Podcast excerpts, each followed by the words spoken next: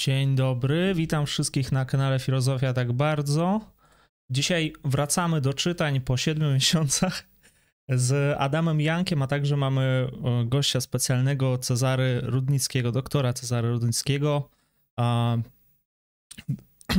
Boże, teraz mi się przypomina, e, jesteś absolwentem e, Uniwersytetu Gdańskiego i w tym i także uczysz teraz na Uniwersytecie Wrocławskim, to znaczy jesteś adiunktem na Uniwersytecie Wrocławskim, dobrze?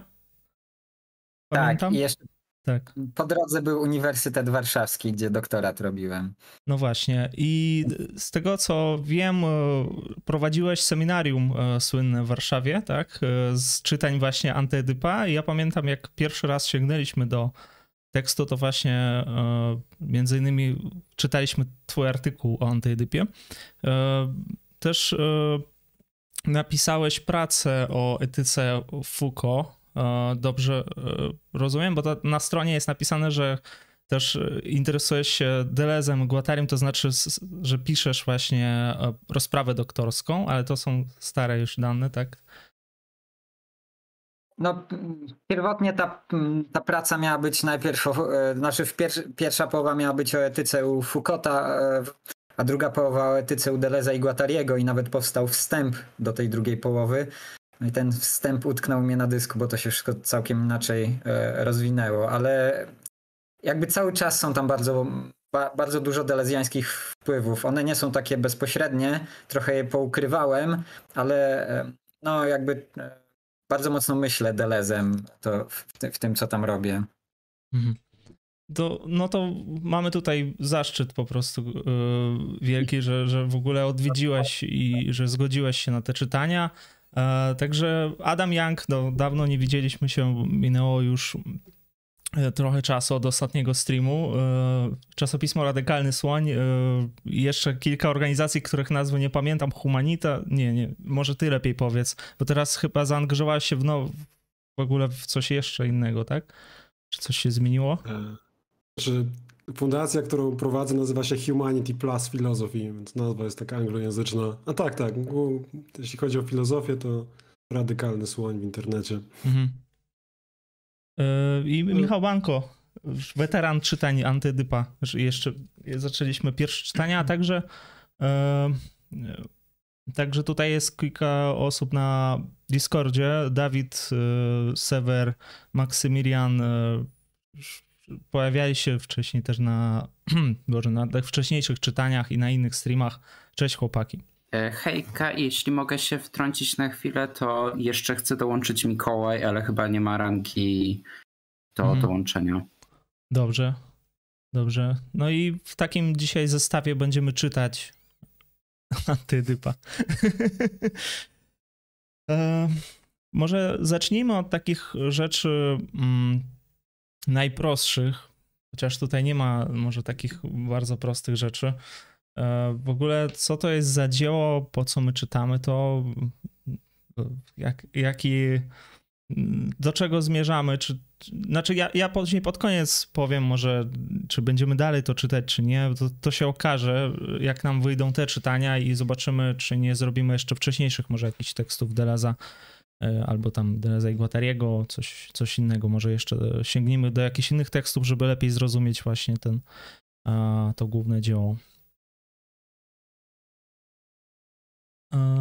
Dobra, to ja może tak. E, ja bym zaczął od samych tych wcześniejszych streamów. Myśmy tam omówili jakieś takie podstawowe pojęcia maszyn, tak, bo tutaj cały czas będziemy mówili o tych maszynach. Maszyny to jest no, pojęcie, które od razu od niego się właściwie zaczyna antyedyp i czym są te maszyny, jak one działają. Możemy tak w skrócie jakoś powiedzieć o tym? Czy wolicie jeszcze coś innego? Nie. Dobra. Przepraszam, że ja tak e, nieskładnie może teraz e, tutaj zachęcam do mówienia, bo wiem, że e, ciężko się mówi po takiej długiej przerwie, jak się nie czytało tego.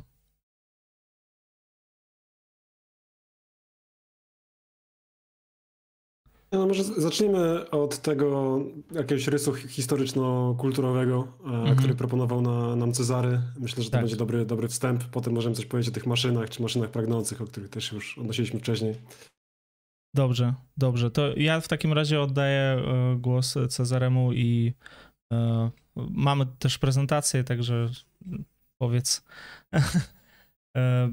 co, jakby, co, co, o czym, czy gdzie my się znajdujemy i o czym mówimy, o czym jest antyedyp. No, powiem, że przygotowałeś prezentację Dobra. krótką. Znaczy, ja mam, ja mam kilka takich uwag bardziej dotyczących tego, jak czytać tę książkę, albo jak sobie, e, jak sobie z nią poradzić, bo wspomniałeś o tym, że robiłem kiedyś e, seminarium, to było takie to było właściwie pierwsze domowe seminarium, jakie robiłem i właśnie padło na antydypa i myśmy się strasznie odbili od tej książki i, i to była moja taka e, jakby trochę porażka dydaktyczna, chociaż nie wiem, czy można mówić o dydaktyce w przypadku jakiejś samoedukacji, ale, e, ale jakiegoś to tak za mną chodziło i jak znowu mnie e, namówiła grupa znajomych na to, żebym jeszcze raz o Delezie coś zrobił, no to jakby już zupełnie inaczej to, to sobie wszystko poukładałem. Po tym pierwszym seminarium wiedziałem, czego nam brakowało, żeby się zmierzyć z tą książką i e, no i jakby e, i, i, trochę chciałbym o tym powiedzieć, nie? Co, co, co, co, wyda, co, co się przyda, e, trochę takiej wiedzy, która, która po, pomaga nieco wskoczyć w ten tekst. Ona, ona nie sprawi, że ten tekst będzie jakoś super łatwiejszy, bo, bo nie jest. E, ja, ja ja do dzisiaj mam tak, że mogę antyedypa e, zreferować, e, mo, mogę godzinami o nim mówić, mogę mówić o czym jest ta książka, dopóki nie patrzę na tekst. Jak patrzę na ten tekst, to go nie rozumiem. E, więc jeżeli ktoś ma podobnie, to, to, to, to się nie przejmujcie, bo to jakby się po latach niewiele zmienia. E, trochę śmieszkuję, ale, ale tylko trochę. E, I prze, przeglądałem to, co na czacie było pisane na Discordzie e, jakoś tam w tym wątku antyedypowym, e, nie wiem, to chyba sprzed roku był wpis nawet, e, ktoś, ktoś zapytał, czy ta książka czy ta książka jest celowo pisana w taki niejasny sposób i, i, i, i, ktoś, ktoś na Discordzie próbował wyjaśnić, że nie, że po prostu jakby my jej jeszcze nie rozumiemy. Tu w Polsce, tak jak kiedyś nie rozumiano Heideggera, a, a teraz już ten Heidegger jest łatwy do wytłumaczenia. E, no i mi się wydaje, że to nie jest prawda. Ta, ta książka jest niezrozumiała, bo celowo była tak pisana. E, ale y, to, to nie jest tak, że to jest jakiś taki bezsensowny zabieg. E, Deleuze bardzo mocno nawiązuje do tej tradycji francuskiej i wydaje mi się, że E, że jakby w tym stylu pisania trochę, czy może inaczej, nie w stylu pisania, bo styl pisania to jest jakby jedna sprawa, ale jeżeli chodzi o tworzenie pojęć, nie? mamy tutaj masę takich pojęć, które się tak naprawdę pierwszy raz w historii filozofii pojawiają. E, maszyny pragnienia, ciała bez organów, e, no nie wiem, jakieś tam syntezy pragnące i, i tak dalej, i tak dalej. Czy te maszyny społeczne. I I, I tak sobie jakbyś to próbowałem kiedyś ugryźć, zastanawiać, zastanawiałem się czemu, czemu ten Deleuze Guattarim się decydują na taki bardzo nieprzejrzysty, e, nieprzejrzysty styl, czy, czy, czy właśnie taki trudny do zaczepienia język. I myślę sobie, że to jest trochę taka lekcja, którą Deleuze wyciągnął z lektury Bachelarda. Bachelard mówi, Bachelard był francuskim filozofem nauki, Gaston Bachelard, pewnie, pewnie wszyscy go kojarzycie. Był też nauczycielem e, bodajże fizyki i chemii e, w szkole, nie, nie, nie pamiętam czy podstawowej, czy średniej. E, no i on jako nauczyciel, znaczy jakby bardzo mocno tą swoją teorię, teorię nauki wiązał ze swoimi doświadczeniami jako nauczyciela właśnie tych przedmiotów ścisłych. I mówił, że jakby bardzo, dużym, bardzo dużą przeszkodą dla uczniów, e, przeszkodą w zrozumieniu teorii fizycznych jest to, że ta teoria posługuje się pojęciami, które pochodzą z mowy potocznej. I dzieci, kiedy słyszą pewne terminy, to po prostu myślą o jakichś takich zjawiskach, które znają z codzienności. Natomiast fizyka opisuje, e, fizyka opisuje pewne abstrakcyjne zasady, których się nie da naocznie uchwycić. Nie? Po, po, pomyślcie sobie, jak zapytacie takiego dzieciaka, co się dzieje z ciałem, na które nie działa żadna siła. No, jakby wiemy, że, no, co takie dziecko powie. Jak nie działa siła, no to się nie rusza, nie? A, a pierwsze prawo Newtona, Newtona nam mówi, że na ciało, na które nie działa żadna siła, ono się albo nie porusza, albo porusza się ruchem jednostajnym, prostoliniowym. I to jest coś takiego, co tak naprawdę nie jesteśmy w stanie tego empirycznie uchwycić. Newton na pewno nie widział ciał poruszających się ruchem jednostajnym, prostoliniowym, bo to jeszcze nie jest ta epoka, kiedy możemy sobie tam, jakby nie wiem, e, pozaziemskie zjawiska obserwować. E, więc to jest jakaś taka teoria oderwana trochę od empirii. Nie? I, i, i mówi, że a, a jeszcze lepszym przykładem takiej teorii jest oczywiście teoria względności. E, no i, i mówi, że jakby bardzo trudno jest tych teorii nauczyć, ponieważ po, posługujemy się pojęciami, które pochodzą z mowy potocznej i znaczą coś innego. Tak? Siła, siła w języku potocznym nie znaczy dokładnie to samo, co, co w języku fizyki, a już zwłaszcza pojęcia czasu i przestrzeni z naszej mowy potocznej nie, nie pokrywają się z pojęciami historii względności. No i wydaje mi się, że Deleuze zaczął wymyślać te dziwne pojęcia, żeby nas jakby w ogóle wyprowadzić poza takie potoczne doświadczenie, tak? No bo co on chce, co, co oni próbują opisać w tym, e, w tym antedypie? Próbują opisać, żeby za bardzo w to nie wchodzić, bo to jest tak naprawdę długi temat, ale próbują opisać nieświadomość, tak? Może taka na, na, na najprostsza, e, najprostsza kwestia, tak? I żeby opisać tę nieświadomość, no nie możemy się posługiwać pojęciami, które znamy z naszego świadomego życia, tak? E, to jest coś takiego, co Deleuze bardzo często nazywa błędem kalkowania.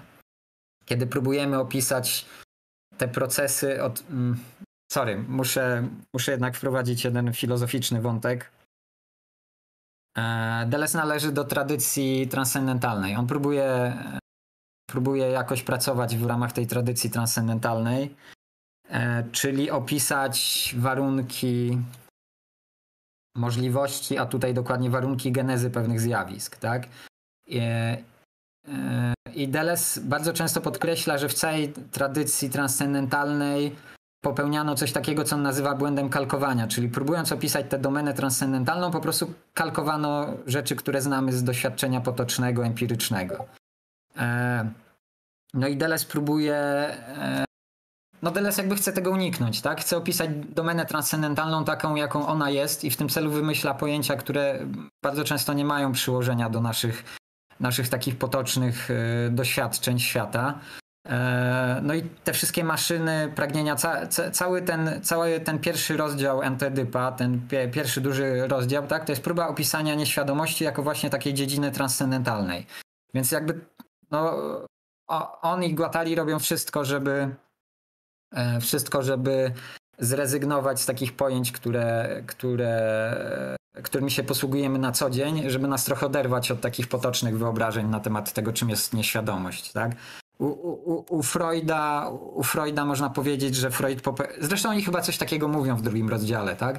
Że Freud popełnia błąd kalkowania, że po prostu na struktury nieświadomości e, przenosi rzeczy, które zna z empirii. Przede wszystkim tak ten trójkąt edypalny, tatusia, mamusie i, i ten podmiot. No ale dobra, pol 6. Więc to jakby takie pierwsze, pie, pierwsza kwestia, że ten język jest trudny e, celowo, żeby nas trochę wybić z takich odruchowych skojarzeń, z odruchowych wyobrażeń. E, po drugie, e, i, i tu będę powoli przechodził do tej prezentacji, ale daj mi jeszcze, daj mi jeszcze moment. Druga taka wskazówka, jak czytać tego Deleza. Widziałem, że przerabialiście na którymś z czytań strukturę mitów Lewi Straussa. 11 rozdział antropologii strukturalnej. I Lewi Strauss tam tłumaczy, że żeby zrozumieć mit, nie wystarczy poznać jednej jego wersji. Tak? Musimy zapoznać się z kilkoma wersjami mitu, żeby go zrozumieć. Bo mit to nie jest opowieść o czymś. Mit to jest pewna operacja logiczna. Tak?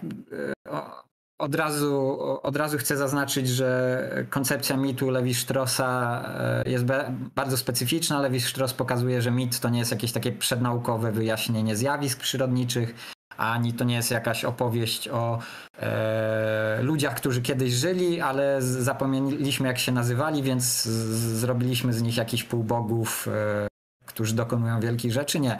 Lewi Strauss mówi, że każde społeczeństwo mierzy się z jakimiś problemami.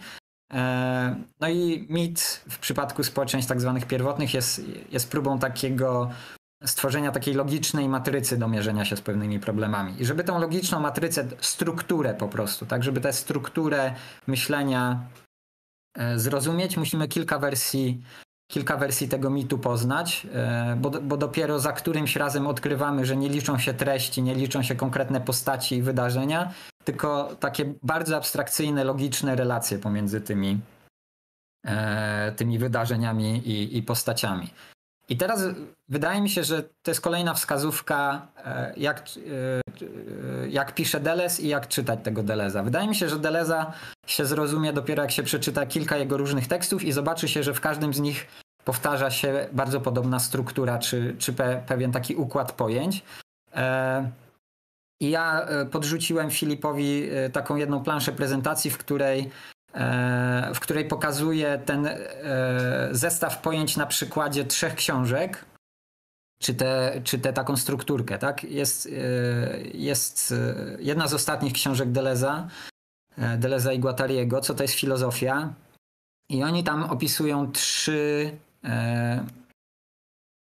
trzy typy myślenia. Filozoficzny, naukowy i taki artystyczny, czy związany ze sztuką, albo po prostu filozofię naukę i sztukę jako, jako trzy wymiary myślenia. I, i każda, e, każda z sekcji tej książki o, opiera się na bardzo podobnym schemacie. Tak? E, mamy jakieś drobne elementy, mamy pewną płaszczyznę, na której te elementy się e, rozkładają e, albo konstytuują tę płaszczyznę i mamy pewien podmiot, który się porusza po tej, e, po tej płaszczyźnie pomiędzy tymi elementami. Tak? No i oni wyjaśniają, że filozofia E, zbudowana jest z pojęć. Te pojęcia się rozmieszczają na płaszczyźnie immanencji i jeszcze w filozofii istnieje coś takiego jak postaci pojęciowe i te postaci jakoś tam się po, poruszają i w pewnym sensie przeżywają przygody na tej płaszczyźnie immanencji. Tak? Nauka tak samo, tak? Mamy naj, najprostsza jednostka składowa nauki to są funkcje, oni też funktywami to nazywają. Te funktywy konstytu- e, te, te funktywy konstytuują pewną płaszczyznę odniesienia, no i mamy jeszcze e, obserwatora cząstkowego jako podmiot. Tak? I potem w przypadku sztuki znowu mamy jakieś takie drobne elementy, z których dzieło sztuki jest zbudowane, pewną płaszczyznę, która łączy te drobne elementy, no i wreszcie pewien podmiot tej sztuki. Tak? E, bloki wrażeń, oni e, konkretnie piszą o połączeniach perceptów i afektów. Tak? Percepty i afekty tworzą bloki wrażeń. To są naj, naj, najbardziej podstawowe elementy, e, które budują dzieło sztuki. Te bloki wrażeń są komponowane w pewną całość, tak? Więc mamy płaszczyznę kompozycji, jak, jak, jako pewną strukturę, styl, e, jakkolwiek to sobie nazwiemy. No i ten trzeci element, przyznam, że ciężko mi go było yy, jakoś tak jednoznacznie yy, zidentyfikować, ale powiedzmy jakieś figury estetyczne, tak? Potem starsza praca, jedna z najstarszych prac, czy może pierwsza duża samodzielna książka Deleza, w drugim rozdziale różnice i powtórzenia mamy opisane e, właściwie coś podobnego do tego, co robią oni w antydypie, czyli mamy opisane, jak wyłania się e, ludzka podmiotowość, tak? I Deles pisze, że na, na, najbardziej podstawową składową ludzkiej podmiotowości są nawyki, tak? Takie on mówi o kontraktacjach czy ściągnięciach. Takie, e, na, najbardziej elementarna forma to jest nawyki, tak? Jesteśmy paczką nawyków, tak? Jest, jesteśmy wiązką nawyków, tak? Na najbardziej elementarnym poziomie. Potem mamy pamięć, e, pamięć, która niejako przechowuje te nawyki. E, no i wreszcie pojawia się taka figura mrocznego zwiastuna. Ja tutaj dałem myślenie, żeby to było trochę mniej obco, tak? Więc tym, co tworzy podmiot, tym, co odpowiada za genezę podmiotowości, to ten termin myślenie się tam pojawia w tekście, tak? Tym, co się składa na strukturę podmiotowości są nawyki, pamięć i, i myślenie, tak? I wydaje mi się, że Antyedyp te pierwsze rozdziały e, odtwarza, te, e, odtwarza ten schemat e, z tych wszystkich książek. Można go też znaleźć w innych. Czasem jest tak, że Deleuze w jakimś tekście tylko jeden z tych elementów tylko jeden z tych elementów omawia, a czasem jest tak, że cała, cała, ta, cała ta struktura czy ten schemat powraca, tak? Nigdy nie przeczytałem tej książki o kinie Deleza, ale jak zacząłem czytać, to widzę, że tam chyba to samo mamy, tak? Te najbardziej podstawowe elementy to są kadry, tak? Potem mamy ekran, na którym te kadry się, na, na które te kadry są rzucone, tak? Czyli kadry to by były odpowiedniki tych e, te, tego pierwszego etapu, e, czy, czy tego pierwszego punktu na schemacie, e, ekran tego drugiego. Nie, nie wiem, co tam jest trzecim, bo jak wspomniałem, nie, nie doczytałem tej książki. E, ale wracając. E, wydaje mi się, że antyedyp niemalże powtarza tę genezę podmiotowości, którą Deleuze przedstawił w różnicy i powtórzeniu, tylko w różnicy i powtórzeniu ona ma jeszcze taki bardzo tradycyjny e, charakter. Przede wszystkim to jest jakaś taka geneza podmiotu rozumianego trochę psychologicznie, tak? Nawyki, pamięć, myślenie, no to, to są takie bardzo klasyczne motywy filozoficzne, tak? E, natomiast w antydypie oni chcą opisać genezę podmiotowości wychodząc od ciała, a nie od umysłu. Tak? Można by coś takiego powiedzieć. Nie? Stąd mamy maszyny pragnienia jako odpowiedniki nawyków, e, ciało bez organów e, jako powierzchnia zapisu zamiast pamięci jako powierzchni zapisu, no i podmiot nomadyczny zamiast tego, tego mrocznego zwiastuna. Tak? E, jak, macie do tego jakieś pytania, to ja z chęcią odpowiem. E, na, na razie to tylko chciałem tak pokazać, że, że żebyście zobaczyli, że jest pewna struktura, pe, pewien taki logiczny schemat, który powraca w, każdy, w każdej z książek Deleza, a przynajmniej w większości z tych książek. Na upartego można go też znaleźć w Tysiącu Plateau. E, I jakby mi bardzo dużo pomagało, po, pomogło, kiedy zauważyłem, że istnieje ten, ten taki schemat i kiedy wracałem do jakiejś książki albo czytałem nową książkę i orientowałem się, które pojęcie należy w którym miejscu tego schematu umieścić, to jakby to mi trochę ułatwiało zrozumienie e, danego tekstu. Więc na, na razie to w postaci takiego zarysu, e, żebyśmy mieli się od czego odbić. E, jeżeli potrzebujecie paru słów wyjaśnienia, to, to, to mogę coś dorzucić, a jak nie, to możemy przejść do tekstu po prostu. Znaczy, czyli tak naprawdę musielibyśmy zacząć od różnicy i powtórzenia, tak? żeby uchwycić ten pie pierwotny tak. zamysł? Wiesz co, nie, nie wydaje mi się. To znaczy, że jakby to, to nie to nie dużo pomaga. Mhm. Różnica i powtórzenie ma łatwiejsze momenty niż antyedyp, yy, ale yy, jakby to powiedzieć. Yy, Ciężko mi jakiś e, przykład taki na szybko e, wymyśleć, ale e, skorzystam z czegoś, co, czym się ostatnio posłużyłem, chociaż to nie jest najlepszy przykład. Nie wiem, czy kojarzycie taki stary film z Leonardo DiCaprio, Romeo i Julia. To, to jest no. jakby opowieść, to, to jest sztuka Szekspira przeniesiona na gangsterskie klimaty, tak? Wszystko dzieje się współcześnie, E, te rody Capuletti i. E, o Jezu, uciekło mi nazwisko drugiego z tych rodów. E, Capuletti i. No dobra, pal 6. Te dwa wrogie rody są dwoma rodami niearystokratycznymi, tak? Gdzieś, gdzieś tam w, w jednym z włoskich miast żyjących, tylko, tylko są bodajże e, dwoma gangami, które na, na terenie e, Ameryki e, toczą ze sobą walkę, no i osoba z jednego gangu i osoba z drugiego gangu. Montekich, tutaj za... komentarz pojawił się. Ja, jak? A Montekich, tak, rzeczywiście, Capuletich i Montekich, tak? Za, zamiast zamiast średniowiecznej Werony i dwóch arystokratycznych rodów mamy współczesność, dwa, dwa gangi i, i osoby z tych gangów, które się ze sobą w sobie zakochują, tak? I jakby jesteśmy natychmiast w stanie rozpoznać, że to jest Romeo i Julia Szekspira, nawet jeżeli postaci by się inaczej nazywały, e, nawet jeżeli e, właśnie jakby kostiumy się zmieniły, narrację można zmienić, można zmienić wszystko, ale ta logiczna struktura tej opowieści jest taka sama, tak? dwa, dwa wro, dwie wrogie społeczności i, i dwie osoby z tych wrogich społeczności, które się w sobie zakochują i to prowadzi do tragedii, tak? E, tak samo mity, tak? Mit o Edypie. Lewi Strauss mówi, że żeby zrozumieć ten mit, musimy kilka wersji tego mitu poznać, bo nie liczy się ta konkretna opowieść, tylko logiczna struktura tego mitu. I tak samo z, Delezem. Sorry, trzeba przeczytać kilka książek. Nieważne od której zaczniecie, będzie zawsze tak samo trudno, ale w którymś momencie załapiecie ten schemat. Wydaje mi się, że pierwszy raz Deleuze się nim posługuje w takim krótkim tekściku, w bardzo, w bardzo mm, jeszcze takiej nierozwiniętej formie. Posługuje się tym, e, tym schematem w tekście, po czym rozpoznać strukturalizm. Tam znajdziemy większość tych elementów. I to jest krótki tekst, więc jeżeli ktoś chciałby coś. Przepraszam.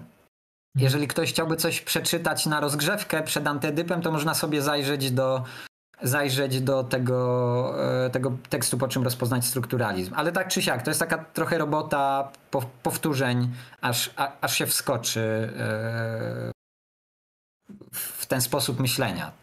Mm. Czy moglibyśmy jakoś e, przełożyć te maszyny pragnienia ciała bez organów na taki, na terminologię, nie wiem, socjologiczną? Gdzieś tam powiedzieć, że to jest społeczeństwo, to są jakieś sytuacje, to są jakieś nie, nie da się tak. No Wiesz dobrze. co, z tym społeczeństwem można by próbować, ale wydaje mi się, że popełnimy ten błąd, mhm. przed którym oni ostrzegają w drugim rozdziale, czyli to będzie jakby nie, nieprawomocny użytek syntezy. E, natomiast wydaje mi się, że naprawdę niemal jeden do jednego można je przełożyć na te pojęcia z różnicy i powtórzenia. Maszyny pragnienia to są nawyki, tak? E, mhm. Tylko na, nawyki w różnicy i powtórzeniu Deleuze opisuje te nawyki, mówię, w taki trochę psychiczny sposób. Mówi, że przede wszystkim nawyk to jest synteza dwóch elementów. Tak samo jak maszyny pragnienia zawsze w parze idą, nie? E, usta dziecka i, i pierś matki, nie? To tak samo tak samo e, w różnicy i powtórzeniu ten nawyk jest opisany jako, jak, jako taka synteza dwóch, e, dwóch elementów. Tylko on tam podaje przykład odgłosu, jaki zegar wydaje. Tik, tak, tik, tak, tik, tak. I po kilku powtórzeniach nam się e, tworzy nawyk spodziewania się tak za każdym razem, kiedy usłyszymy tik. Nie? To jest takie bardzo, bardzo psychologiczne rozumienie nawyku. Natomiast tutaj e, oni już jakby odchodzą od psychologii i próbują jakby na, po, na poziomie konstytucji ciała się skupić, tak? synteza maszyn pragnienia to jest synteza nie dwóch skojarzeń, nie dwóch impresji psychicznych, tylko dwóch organów ciała, tak? Niekoniecznie własnego ciała, tak? Czyli je, jeszcze raz, tak? Usta i pierś, albo nie wiem, e, palec i mebel, w który się uderzyłem, tak? To, to nie muszą być organy, może to być jakiś inny obiekt. Oni piszą dokładnie o obiektach częściowych. E, potem Ciało bez organów trochę odpowiada tej pamięci, to znaczy dzisiaj będziemy czytać, to zobaczymy, że oni tam wprowadzają pojęcie zapisu. E, no, pamięć to jest coś, co zapisuje te nawyki, nie? Tak samo ciało bez organów zapisuje. E, no i potem w tym modelu e, z różnicy i powtórzenia e, pamięci są zapisywane ścieżki nawykowe, tak? I Deleuze wprowadza taki bardzo specyficzny pojęcie i to jest jakby chyba jego jeden z najbardziej oryginalnych wkładów i to jest ciężko do czegokolwiek e, w historii filozofii odnieść. On wprowadza w tym krótkim tekście, po czym rozpoznać strukturalizm, e, pojęcie podmiotu e, monadycznego, albo pustej przegródki, albo przedmiotu paradoksalnego. To jest coś, co krąży pomiędzy seriami. Tak jak w pamięci mamy serię nawyków, to ten mroczny zwiastun jest czymś, co krąży pomiędzy tymi e, pomiędzy tymi seriami. Natomiast w Antydypie ten podmiot nomadyczny będzie czymś, co krąży krąży pomiędzy seriami. Ja nie chcę teraz jakby za dużo zdradzać, może jakby w trakcie lektury nam wyjdzie e, nieco więcej na temat tego podmiotu e, nomadycznego. Mhm. Pojawiło się pytanie na czacie, e, czy padło kiedyś na Fatybie, jaka jest różnica między różnicą i pragnieniem u Deleza. Różnica i pragnienie. Hmm. Nie wiem, czy macie taką odpowiedź. No, ja, ja wiem mniej więcej, co to jest pragnienie z naszych poprzednich streamów, e, ale wiem tyle, że po prostu pragnienie jest. I, i że, że to pytanie na przykład, no to w takim razie kto pragnie, nie ma jakiegoś większego sensu, ponieważ pragnienie jest jakąś taką siłą, która mm, nie wiem, przenika Myślę się, że elementy. pragnienie ma większą Hmm. podmiotowość w kontekście właśnie antytypa niż właśnie różnica. W rozumieniu różnicy we wcześniejszych dziełach, gdzie to było tak typowo skoncentrowane właśnie na różnicy. Że pojęcie różnicy pojawia się przy odróżnianiu dwóch serii. To jest jakby to pytanie, co wprowadza dynamizm, strukturę, z którym on się mierzy już w różnicy i powtórzeniu. I ta różnica jest po to, że no dobra, jakby dlaczego struktura nie jest statyczna, tylko jest dynamiczna? No jest dynamiczna dlatego, że jest jakaś różnica między seriami i ta, ta różnica wprowadza te, ten ruch, który po prostu jest, w sensie widzimy go w rzeczywistości. E, A pragnienie, no pra, pragnienie to jest bardziej taka, nie wiem, elementarna siła, tak mi się wydaje. E, Pozytywne coś, w sensie to nie jest brak, to jest właśnie jakaś taka, taka, taka siła, która działa w rzeczywistości. Mm, Mhm. Na szybko. Jeszcze może bym dodał, że trochę ciężko mówić, co jest pierwsze, co jest drugie, nie? Bo t- yy, to, to, to nie jest żaden porządek chronologiczny. Yy, Ale może w takim porządku logicznym to trochę yy, pragnienie byłoby drugie, nie? Na, na, jeżeli on, na ontologię Deleza popatrzymy, to tam jakby różnica jest czymś najbardziej podstawowym ontologicznie. E, Chociaż mówię to wszystko z, z, takim, z taką dużą dozą niepewności, ale różnica jest czymś najbardziej podstawowym. Natomiast e, te powiedzmy elementy, które się ze, między sobą różnią, e, one mogą się syntezować. I e, właśnie w różnicy i powtórzeniu Deleuze najczęściej mówi o jakiejś kontraktacji, skurczu czy syntezie. E, a w antydypie t- tam jakoś chyba w czwartym paragrafie okazuje się, znaczy tak naprawdę już na początku, ale w czwartym paragrafie to jest wyraźniejsze, że tą mocą, e, że pragnienie to jest to, co dokonuje tych syntez, nie? E, I ono w tym sensie jest, jest drugie, że jakby mamy różnicę, a, a pragnienie jest, jest mocą łączenia te, tego, co różne. Ale to tak e, trochę rz- rzeźbię teraz, bo Mhm, mhm. trochę zaskakujące dla mnie pytanie, przyznaję. No to takie pytania będą się ciągle chyba pojawiać, nie tylko na czacie. To, to nie są takie dwa pojęcia, które się zazwyczaj jakoś różnicują. No dobra, nie, no, tutaj ten, e, wchodzę w jakieś błędne koło, ale to nie są dwa pojęcia, które się zazwyczaj zestawia. E, ja może jeszcze trochę wrócił, w sensie ba, bardzo, bardzo fajne wprowadzenie. E, ale wróciłbym do takiej jednej z pierwszych rzeczy, które powiedziałeś, że antyedyp to jest próba opisu nieświadomości, czy może tego, co nieświadome. E, myśl, myślę, że jeszcze do tego wątku byśmy mogli trochę, trochę wrócić. Myślę, że dla, część osób będzie miała taką mocno psychiczną interpretację e, nieświadomości, w sensie taką trochę postfreudowską, że, że nieświadomość to jest jakiś taki, wiem, co, coś, co mamy w głowie, jakiś taki część umysłu lub mózgu, więc może byśmy powiedzieli jeszcze coś, jak, tutaj to pojęcie funkcjonuje, taki, nie wiem, jego taki szerszy, społeczny wymiar. To e, na, na pewno to jakoś mocniej się e, w, w dalszych częściach uwypukla. Chyba wydaje mi się, że jakoś tak e, w miarę wyraźnie to jest w tym czwartym paragrafie o materialistycznej psychiatrii. No ale chyba właśnie tak, o, o to chodzi, o czym Adam mówiłeś, tak, że wie, większość osób myśli o nieświadomości sposób, który chyba na, trzeba nazwać jakimś idealistycznym, tak, że e, to, co nieświadome, to jest mm, jakaś taka część naszego umysłu, do której nie mamy dostępu, tak? Ale że właśnie to jest coś mentalnego. E, A Deleuze i Guattari starają się pokazać, że jakby nie, to nie, nieświadomość to jest właśnie to, co się dzieje na poziomie cielesnym, to, co się dzieje z ciałem. E, Trochę też dlatego możemy tę nieświadomość opisać i do niej dotrzeć i możemy coś z nią robić. E, e, No, jakby już to powiedziałem, tak? Cho- Chodzi o stworzenie ma- materialistycznej wersji psychanalizy. Więc jeszcze raz, jakby o, o czym jest antyedyp, zwłaszcza, zwłaszcza pierwsze dwa duże rozdziały. Pierwsze dwa rozdziały są przede wszystkim o tym, jak e, z cielesnej mieszaniny pierwotnych popędów i, i, i funkcjonujących, produkujących coś organów wyłania się nasza podmiotowość, tak? Mm. może tak trochę do, do parteru to wszystko sprowadzając, ale, ale jeżeli ktoś jest, jest jakby zu, zupełnie nowy w takich rzeczach, to, to może to jest jakiś dobry punkt odniesienia. Eee, przez bardzo dużą część y, historii filozofii o podmiocie myśli się tak naprawdę jako o, o jakiejś wersji duszy, tak? Że je, jest sobie ciało, i to ciało jest zamieszkiwane przez duszę, albo tam jak u Arystotelesa dusza jest e, jakby takim motorem e, napędzającym osobę, tak? Ale tak czy siak myśli się o tej duszy jako o czymś takim e, homogeni- może nie homogenicznym, ale substancjalnym, prostym, tak? To jest takie, ta, ta, ta, taki termin, który bardzo się często pojawia w filozofii, zwłaszcza starożytnej i średniowiecznej, że, że, że dusza jest niepodzielna, jest niezróżnicowana, tak? Jest, jest czymś prostym, substancjalnym. I to jest właśnie podmiot dla bardzo dużej części historii filozofii.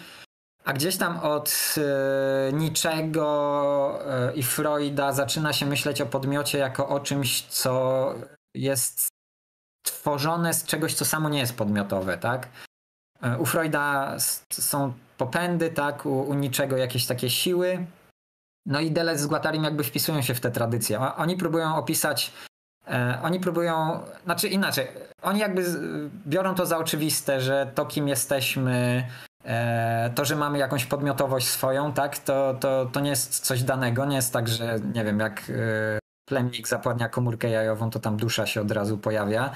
Tylko raczej e, jakby e, całe to nasze takie życie mm,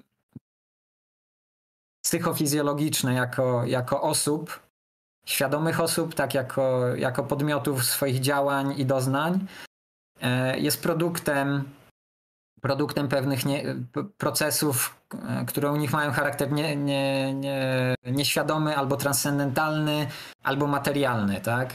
E, to znaczy, e, że nasza, nasza podmiotowość e, powstaje z czegoś, co samo w sobie jest przedpodmiotowe, tak? W różnicy i powtórzeniu tym pierwszym elementem będą te nawyki, tak? Jak mamy nawyk, to jeszcze niekoniecznie to oznacza, że powiedzmy, jak jesteśmy dzieckiem, które dopiero zaczyna dzieckiem, które dopiero zaczyna e, rozwijać w sobie świadomość, e, to ono może zaczyna od takich właśnie prostych nawyków, tak, że jak usłyszy e, jakieś słowo, to się spodziewa kolejnego, albo że jak widzi mamę, to ta mama je przytuli, tak, jakieś, jakieś takie proste nawyki, ale to jeszcze nie jest, e, to jeszcze nie jest podmiot, to jeszcze nie jest myślenie. Tak naprawdę to jeszcze nie jest nawet pamięć, e, tak? Tylko jakieś takie proste, proste asocjacje. No to tutaj w różnicy i powtórzeniu, przepraszam, w antydypie to, to już nie będą takie nawyki mentalne, tylko raczej, raczej pewne, pewne połączenia organów i ewentualnie jakichś przedmiotów, które, z, z których powoli zaczyna się wyłaniać jakiś może bardziej doznający podmiot niż, niż myślący. Tutaj chyba doznawanie jest y, ważniejszą kategorią niż myślenie. Mhm. No dobrze, to skoro już tyle tutaj pojawiło się wątków e, wprowadzających, to możemy chyba przejść do samego tekstu, tak? E, I to jest ten moment, w którym e, ja się zastanawiam, jaki fragment lepiej e, przeczytać, czy od którego zacząć, bo oczywiście cały rozdział niby jest o ciele bez organów i sam stream też miał być poświęcony e, właśnie temuż e, pojęciu, czy temu konceptowi. E, poprzedni też miał być o tym samym stream, ale za dużo, no za dużo różnych rzeczy tutaj tak naprawdę się pojawia, więc co nas najbardziej interesuje? No są tutaj niektóre fragmenty o, o kapitalizmie, o kapitale, niektóre rzeczywiście o ciele bez organów, ale tak naprawdę jeszcze wcześniej, pod koniec pierwszego rozdziału, już jest e, podana taka definicja pierwsza ciała bez organów. Mamy kilka syntez. Pierwsza synteza to jest ta synteza wytwórcza, tak? E, która coś wytwarza, jakiś przepływ. Później mamy syntezę, o ile dobrze pamiętam, łączącą, tak? I ta synteza łącząca, ona właśnie jednocześnie jak, dokonuje jakiegoś zapisu na materii. No próbuję, przepraszam, że ten, posługuję się tym językiem właśnie, ale no, tak to jest napisane mniej więcej.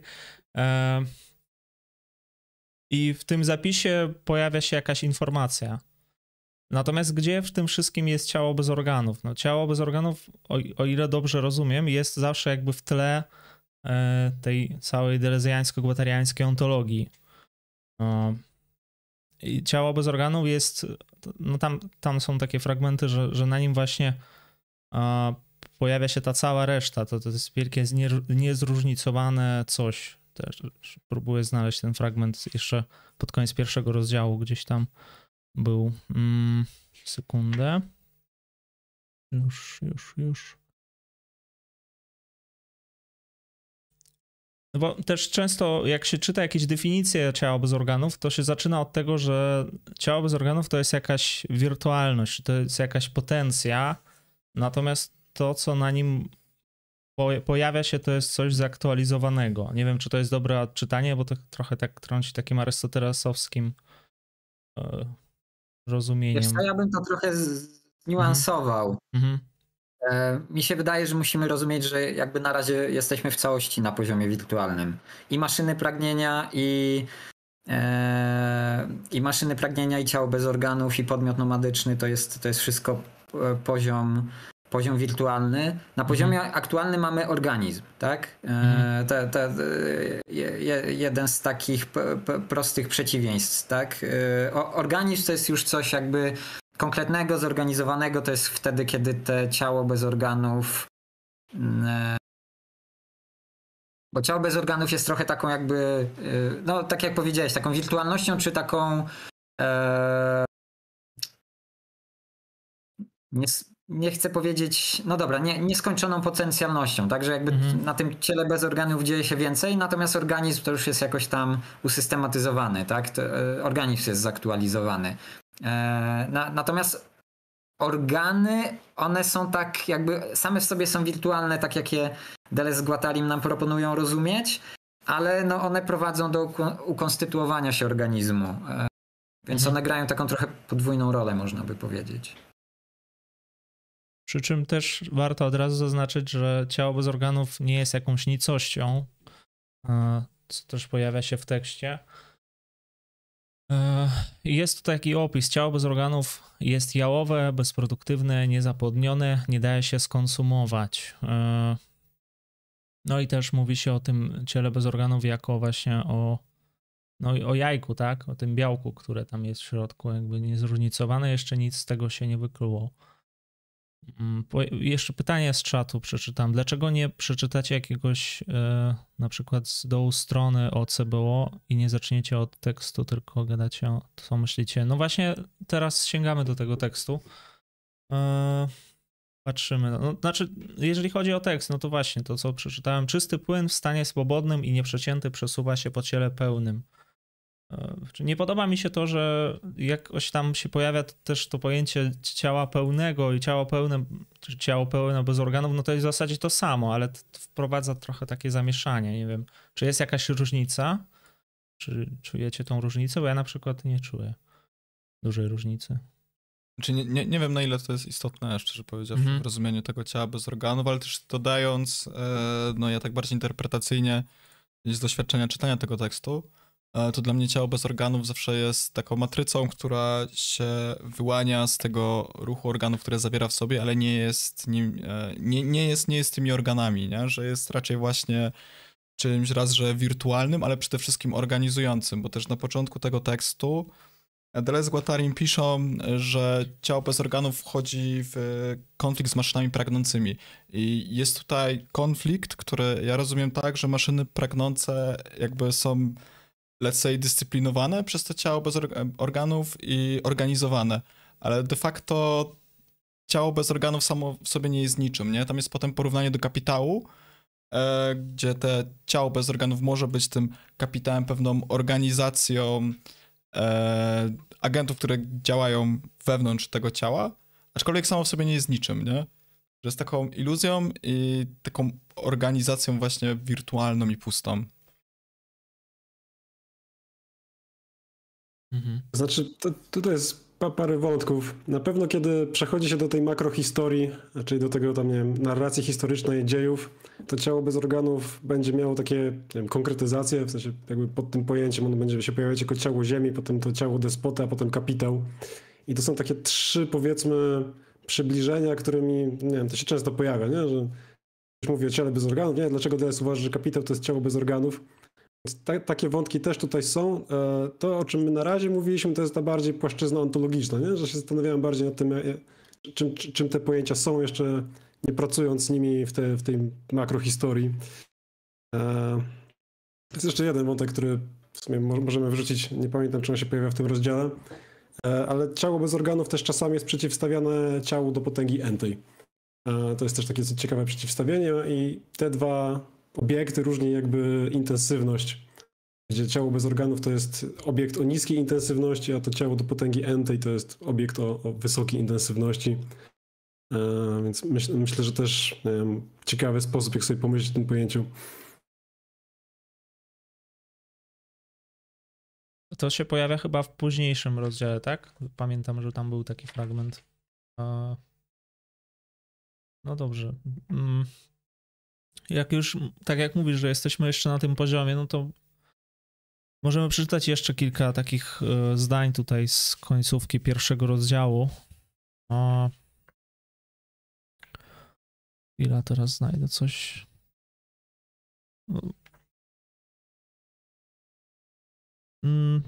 No, jest też to porównanie, to znaczy to takie zdanie, że bez ust, bez języka, bez zębów, bez krtani, bez przełuku, bez żołądka, bez brzucha, bez odbytu, to chodzi chyba o, o tego Schrebera, tak? Że on, o niego cały czas chodzi i że on jakby, mm, nie wiem, czy można powiedzieć, doświadczył tego ciała bez organów, czy, czy zobaczył go, czy jakoś tak e, miał jakieś właśnie odczucia Arto tego ciała. Arto stworzył pojęcie. Proszę? Arto stworzył pojęcie ciała bez tak, organów tak, w tej tak. takiej eksperymentalnej sztuce. To może nie tyle, co y, poczuł, czy tam doświadczył, co w ogóle stąd jest wzięte to pojęcie samo. Mhm.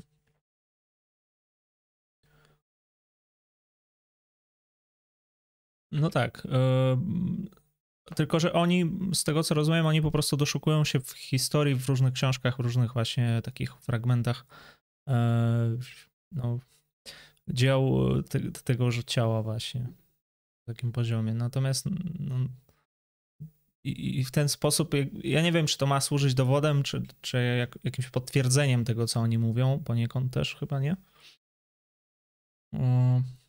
Mogę jeszcze jedną taką generalną uwagę co tak. do tego Deleza. E, a możesz wrzucić ten temat, chociaż może on nie będzie taki super pomocny te, w tym, co chcę powiedzieć, ale e, jakby e, zobaczcie, na samym. Po, wrzucisz go, może go wrzuć.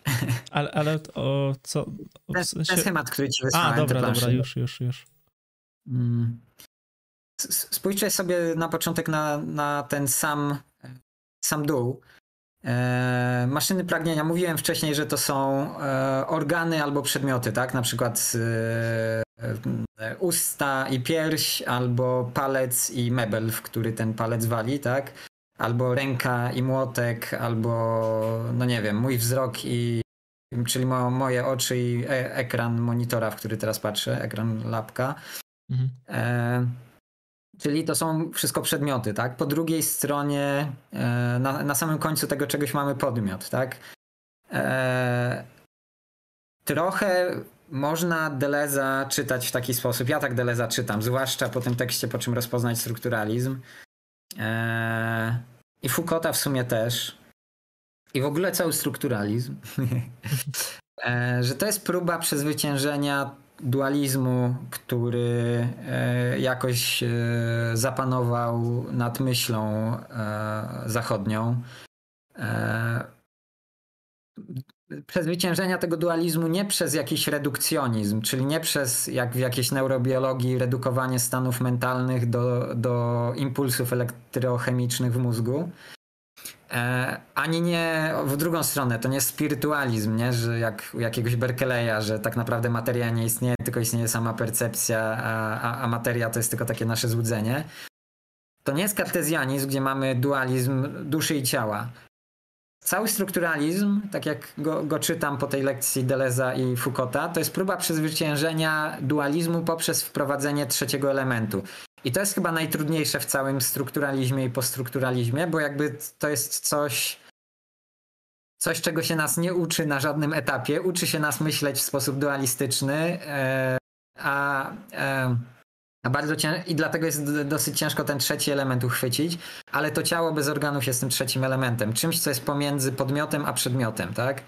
Eee, tak samo w dziele sztuki, czymś, co jest pomiędzy podmiotem, jaką jest figura estetyczna, a, a blokami wrażeń, czyli blokami perceptów i afektów, jest pewna płaszczyzna kompozycji, tak? Ciało bez organów też jest pewną płaszczyzną, tak? Oni, nie, nie, nie, nie wiem, czy ty czytałeś ten fragment, ale, ale tam kilka razy się, e, się pojawia to słowo płaszczyzna w odniesieniu do, do ciała bez organów. Tak. E, czyli pomiędzy, pomiędzy tym, co przedmiotowe, jak organ czy, czy, przed, czy jakieś narzędzie, a tym, co podmiotowe, trzeba umieścić pewną płaszczyznę, strukturę w takim, struktur, takim trochę przerobionym, strukturalistycznym sensie. Tak? E... Czy to by było to coś, co oni nazywają ciałem socius? Że to czy nie, to jest no, jeszcze co innego? jest to samo, tylko jakby w odniesieniu nie do indywiduum, a do społeczeństwa, nie? Mhm. Właśnie ten kapitał, znowu jakby e, kapitał, czy ciało despoty, czy ciało ziemi, to znowu jest jakby coś trzeciego, tylko w obrębie, w obrębie e, jakby teorii społecznej już, a nie, nie ontogenezy podmiotu. Jasne. Ja boję się, że nie pomaga to wszystko, co mówię. E, znaczy nie, no przypominamy sobie. No.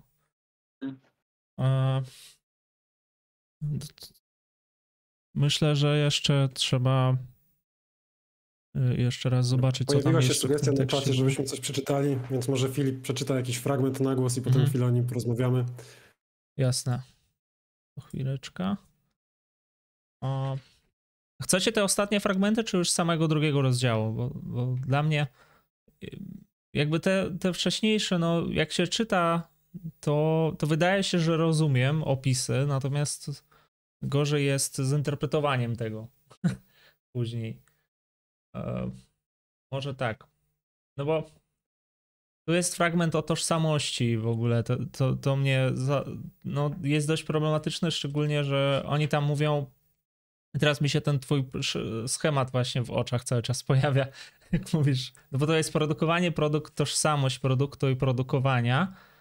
Tożsamość ta określa trzeci termin w linearnej serii. Ogromny, niezróżnicowany obiekt. I to już rozumiem, że tu, tu już jest mowa o, o ciele bez organów. E, zastanawia mnie jedna rzecz, dlaczego to ciało bez organów jest jakby wytwarzane w tym procesie. Ja, bo, no bo ja myślę czasami o ciele bez organów, tak mi jest prościej, że to jest jakieś jednak pierwsze, ale znów nie, nie wiem, czy to jest pierwsze. No, w każdym razie jest to ten poziom taki pierwotny, gdzie, gdzie, gdzie jeszcze nic się nie wydarza i później dopiero następuje cała aktualizacja tego wszystkiego, czy nie?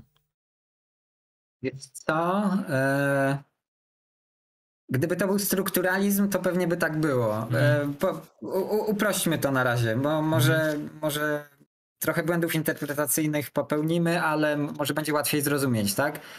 E, Lewi Strauss mówi, że istnieją w społeczeństwach pewne struktury, które właśnie mają taki charakter wirtualny, Deleuze by powiedział, czy transcendentalny i te struktury nam określają e, jakby determinują, jak się będą pewne rzeczy w społeczeństwie zachowywać. Na przykład mamy strukturę pokrewieństwa i Levi Strauss opisuje, że są cztery pozycje w takiej strukturze. Pozycja e, e, e, e rodzica, znaczy o, o, ojca, matki, dziecka i szwagra i że w tych tak zwanych społeczeństwach pierwotnych, czy no tak, zostańmy przy tym słownictwie, że w społeczeństwa pierwotne ich relacje rodzinne czy ich struktury pokrewieństwa da się opisać e, w oparciu o ten czwórkowy schemat, czyli e, tam, dokładnie jest rodzic, dziecko, mąż, żona, brat, siostra i e, bodajże siostrzeniec, szwagier, jakoś tak. Mamy mhm. takie cztery pary E,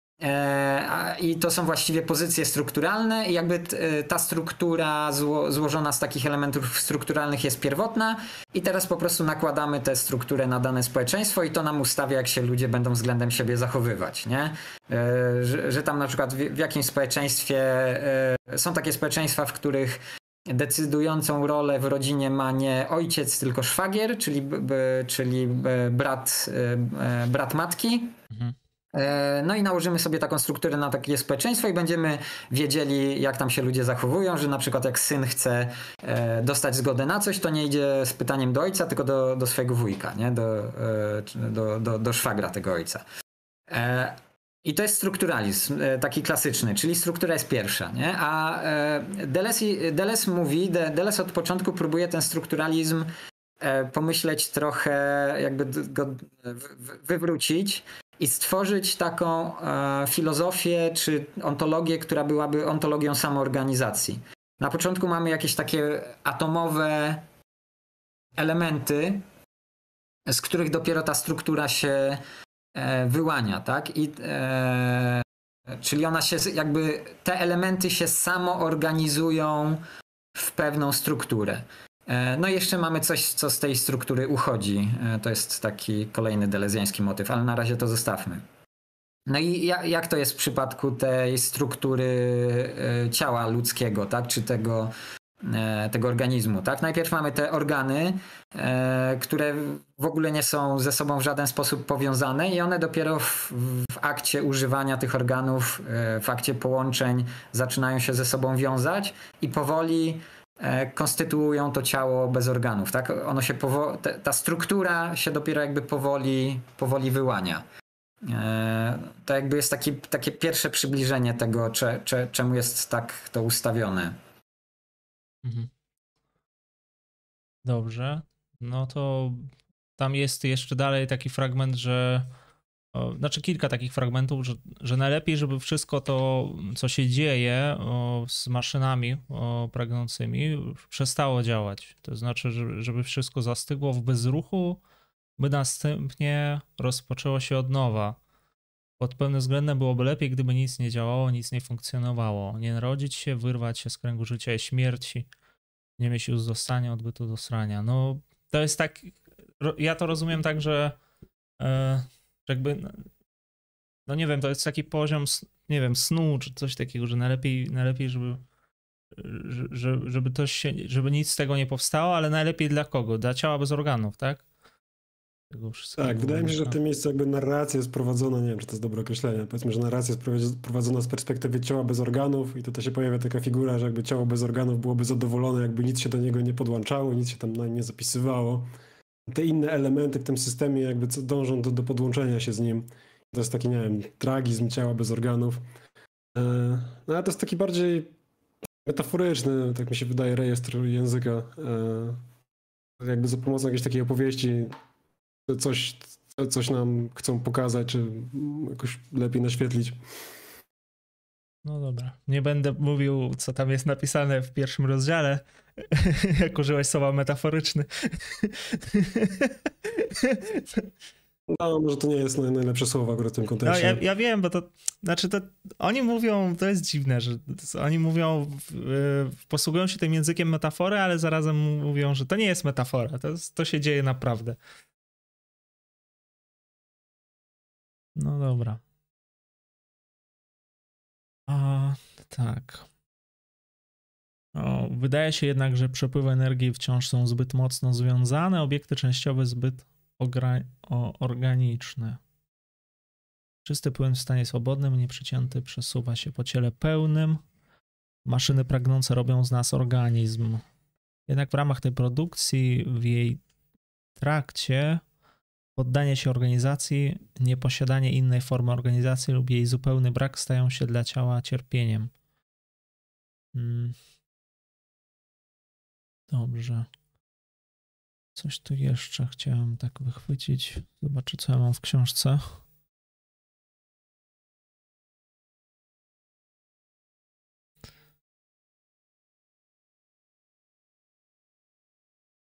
No, też ciekawy fragment jest o tym, że maszyny działają tylko wtedy, gdy są zepsute i przez to, że ciągle się psują.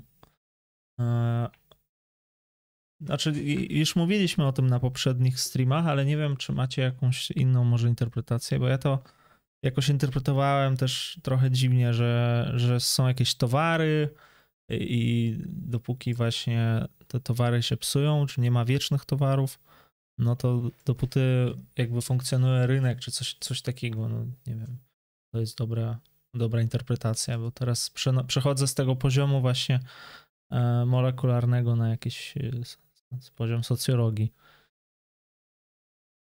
Znaczy bez wątpienia to jest taka, takie zdanie, że taka linijka, która zrobiła dużą karierę, mam wrażenie, to się pojawia w wielu interpretacjach. Mhm. No nie wiem, taki klasyczny jakby, klasyczna wykładnia byłaby właśnie na poziomie systemów politycznych, nie? że to powiedzmy system polityczny jest zepsuty, ale do pewnego stopnia nie da się go naprawić, bo działa dlatego, że jest zepsuty, nie? Gdyby został jakoś tak, nie wiem, w pełni naprawiony, to, to, jakoś by przestał, przestał działać, przestał by się reprodukować. Mm.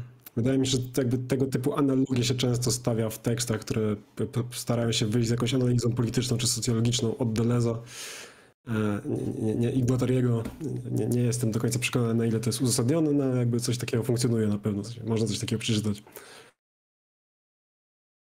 Pojawiło się też pytanie na czacie Bartek Konopa z tym e, CBO, które nie chce połączeń, e, to nie będzie trochę jak z pamięcią niczego?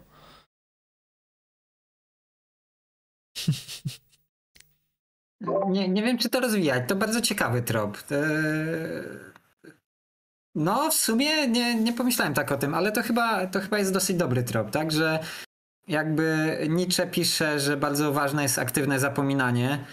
E, w ogóle jest taki chyba w wiedzy radosnej świetny aforyzm o nawykach, że no nie, nie przypomnę sobie go dokładnie, ale Nietzsche mówi coś takiego, że jakby e, większość ludzi ma nawyki i te nawyki rządzą ich, ich życiem, a on lubi sobie takie, takie małe nawyczki tworzyć, które porzuca jak mu jest wygodnie. I, i to było, e, czyli jakby trochę zapomina o swoich nawykach. I trochę chyba tak to ciało bez organów działa, tak? Że ono się nie poddaje jakimś stałym nawykom, tylko one po nim spływają e, jak po takiej woda po płaskiej powierzchni, nie? Że e, o, o, E, no bo jakby zobaczcie, o czym jest ta pierwsza część z maszynami pragnienia, tak? Dziecko, znaczy nie dziecko, u, u, usta, us, u, usta, się wyciąg, usta się wyciągają do piersi, tak? Następuje ssanie, płynie mleko i pojawia się doznanie przyjemności. No jak jest doznanie przyjemne, no to nawyk się utrwala i usta jeszcze raz chcą chcą ssać pierś, żeby znowu leciało mleko, żeby, e, żeby jeszcze raz poczuć e, tę przyjemność.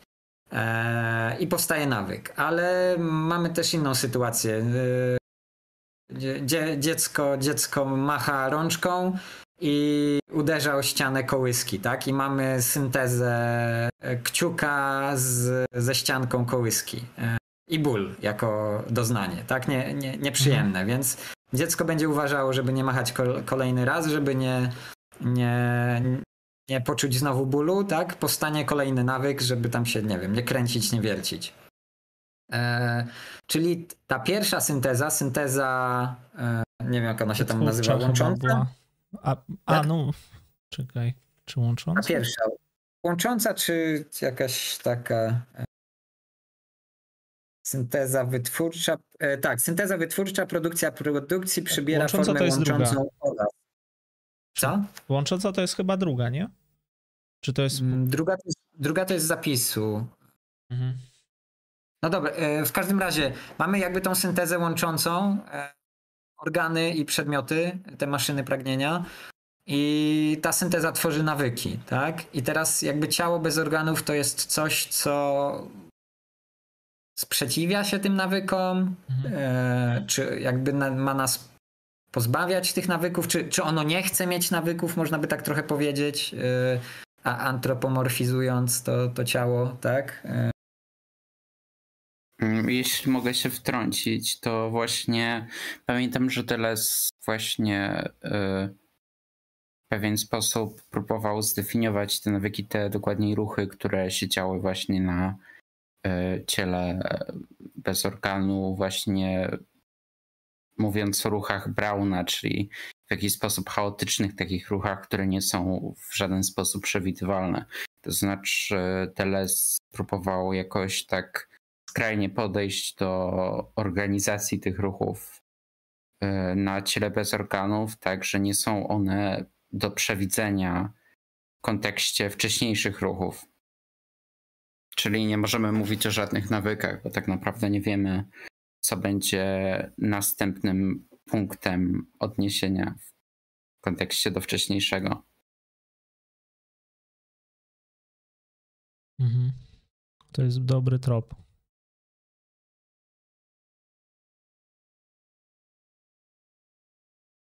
Nie będziemy dociekać, jak to działa w całości. Samo to pytanie jest wytworem abstrakcji. Co to było? Aha, to jest do. Dobra, to jest do innego fragmentu. Myślałem, że to jest to samo.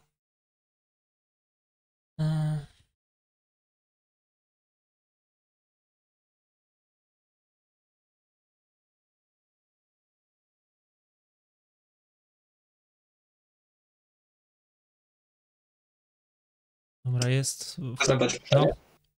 E, chciałem się zapytać, e, czym jest ta repulsja, bo to się pojawia zaraz na początku e, tego drugiego rozdziału i tak niezbyt wiem o co chodzi, a mhm. taka przerwa była, to zdecydowałem się poprosić o jakieś wyjaśnienie Jasne. może. Filipie, może przeczytać całe zdanie, żeby tak... Jasne, no to, to jest początek drugiego rozdziału, tam jest akurat to rozstrzelone.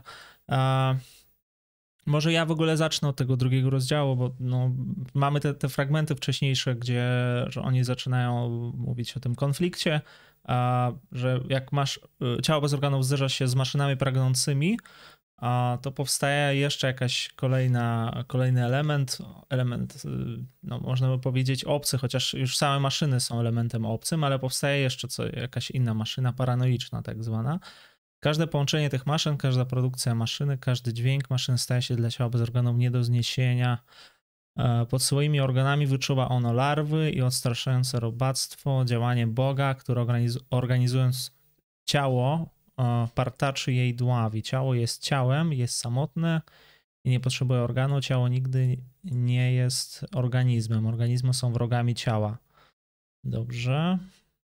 Wejdę ci w słowo, co? Mhm. Bo mi się to wydaje dosyć ważny fragment. Znaczy, trochę nawiązuje do tego, co mówiłem wcześniej. E, mamy tutaj opozycję organizmu i ciała, i ta opozycja też wraca w drugim tomie e, kapitalizmu i schizofrenii. I schizofrenii. E, I to jest trochę tak, że Organizm to jest coś jakby nie tylko gotowego, ale też yy, właśnie zorganizowanego, tak? Ma pewną hierarchię, pewne organy są nadrzędne, inne. Yy, I inne podrzędne, yy, mamy jakieś dozwolone połączenia, a pewne połączenia niedozwolone i tak dalej. No jakby o czym my tu cały czas mówimy? Jeżeli, znaczy jakby kontekstów jest kilka, ale jednym z tych kontekstów jest psychoanaliza. Więc mówimy tutaj o tym, jak się organizuje e, o libidinalnej organizacji ciała, tak? Mamy mhm. dziecko, które jest taką mieszanką popędów e, i ono tam różne rzeczy wkłada do buzi, się dotyka, drapie się, kręci i tak dalej, nie? I teraz e, jakby taki taki hard freudysta by chciał, żeby e, z, z tego małego kłębka popędów e, wy, wyszło, wy, wyszła zindywidualizowana osoba, która osiągnie stadium genitalne i będzie potrafiła czerpać tylko e, przyjemność z takiego, jakby jedyną formą przyjemności będzie seks genitalny dla takiej osoby, tak? Czyli Eee, czyli na przykład, no nie wiem, tam Freud odrzuca fetyszystów jako tych, którzy zamiast z, e, doznawać przyjemności e, z płcią przeciwną, to z jakimś obiektem jej doznają. E, no, nie wiem, pewnie dla Freuda też e, męski homoseksualizm jest problemem, bo to jest jakby z, z, złe połączenie e, narządów niezgodne z jakby prawidłowym rozwojem genitalnym i tak dalej, tak? E, więc jakby organizm to jest, e, to jest ciało zorganizowane zgodnie z jakimiś standardami, e, na przykład seksualnymi, w którym istnieje pewien nadrzędny e, organ, wokół którego się cała nasza seksualność obraca. E, I tym organem e, jest falus w przypadku mężczyzny, tak, a wagina w przypadku kobiety. Możemy też sobie pomyśleć, że jak anatomicznie patrzymy na e, byt ludzki, no to też on jest zorganizowany w taki hierarchiczny sposób. Tam mózg jest najważniejszy, e, mózgowi podlegają pewne organy i tak dalej, i tak dalej. To jest, to jest jakby organizm. Tak jak de, de, to właśnie Deleuze i Guattari rozumieją przez organizm. Natomiast ciało to jest dla nich taki moment, czy ciało jest czymś takim, gdzie nie ma tej hierarchii i nie ma tych jakby dozwolonych i niedozwolonych e, połączeń. Jakby na, na, na ciele może się dziać wszystko, tak? Jakby e, wszystkie, wszy, wszystkie doznania są, są tak samo uprawnione, nie, nie, jakby jeszcze nie dokonujemy żadnej e, represji, e, represji połączeń organów, tak? Dziecko może ssać pierś, żeby e, doznać przyjemności z karmu, ale jak nie ma tej piersi matki, no to może possać kciuk, żeby też doznać tej, tej przyjemności, tak? Więc je, jesteśmy jakby na takim poziomie, gdzie e, dysponujemy całą gamą rozmaitych mo, mo, możliwości. One są przez nic nie, nieograniczone. Mm, tak, te, te, tak jakby w takim kierunku bym poszedł z tym, z tą opozycją organizmu i ciała. Ona mi się wydaje kluczowa w każdym, w każdym razie. Mhm. No ale ta opozycja, jakby to, no, ona się łączy, tak? Nie ma tak, że organizm i ciało to są obce sobie rzeczy, no nie? Czy nie, jedno nie zawiera się w drugim? Bo tak jakby teraz pojawiła się jakaś dziwna opozycja, przepraszam, może źle to zrozumiałem.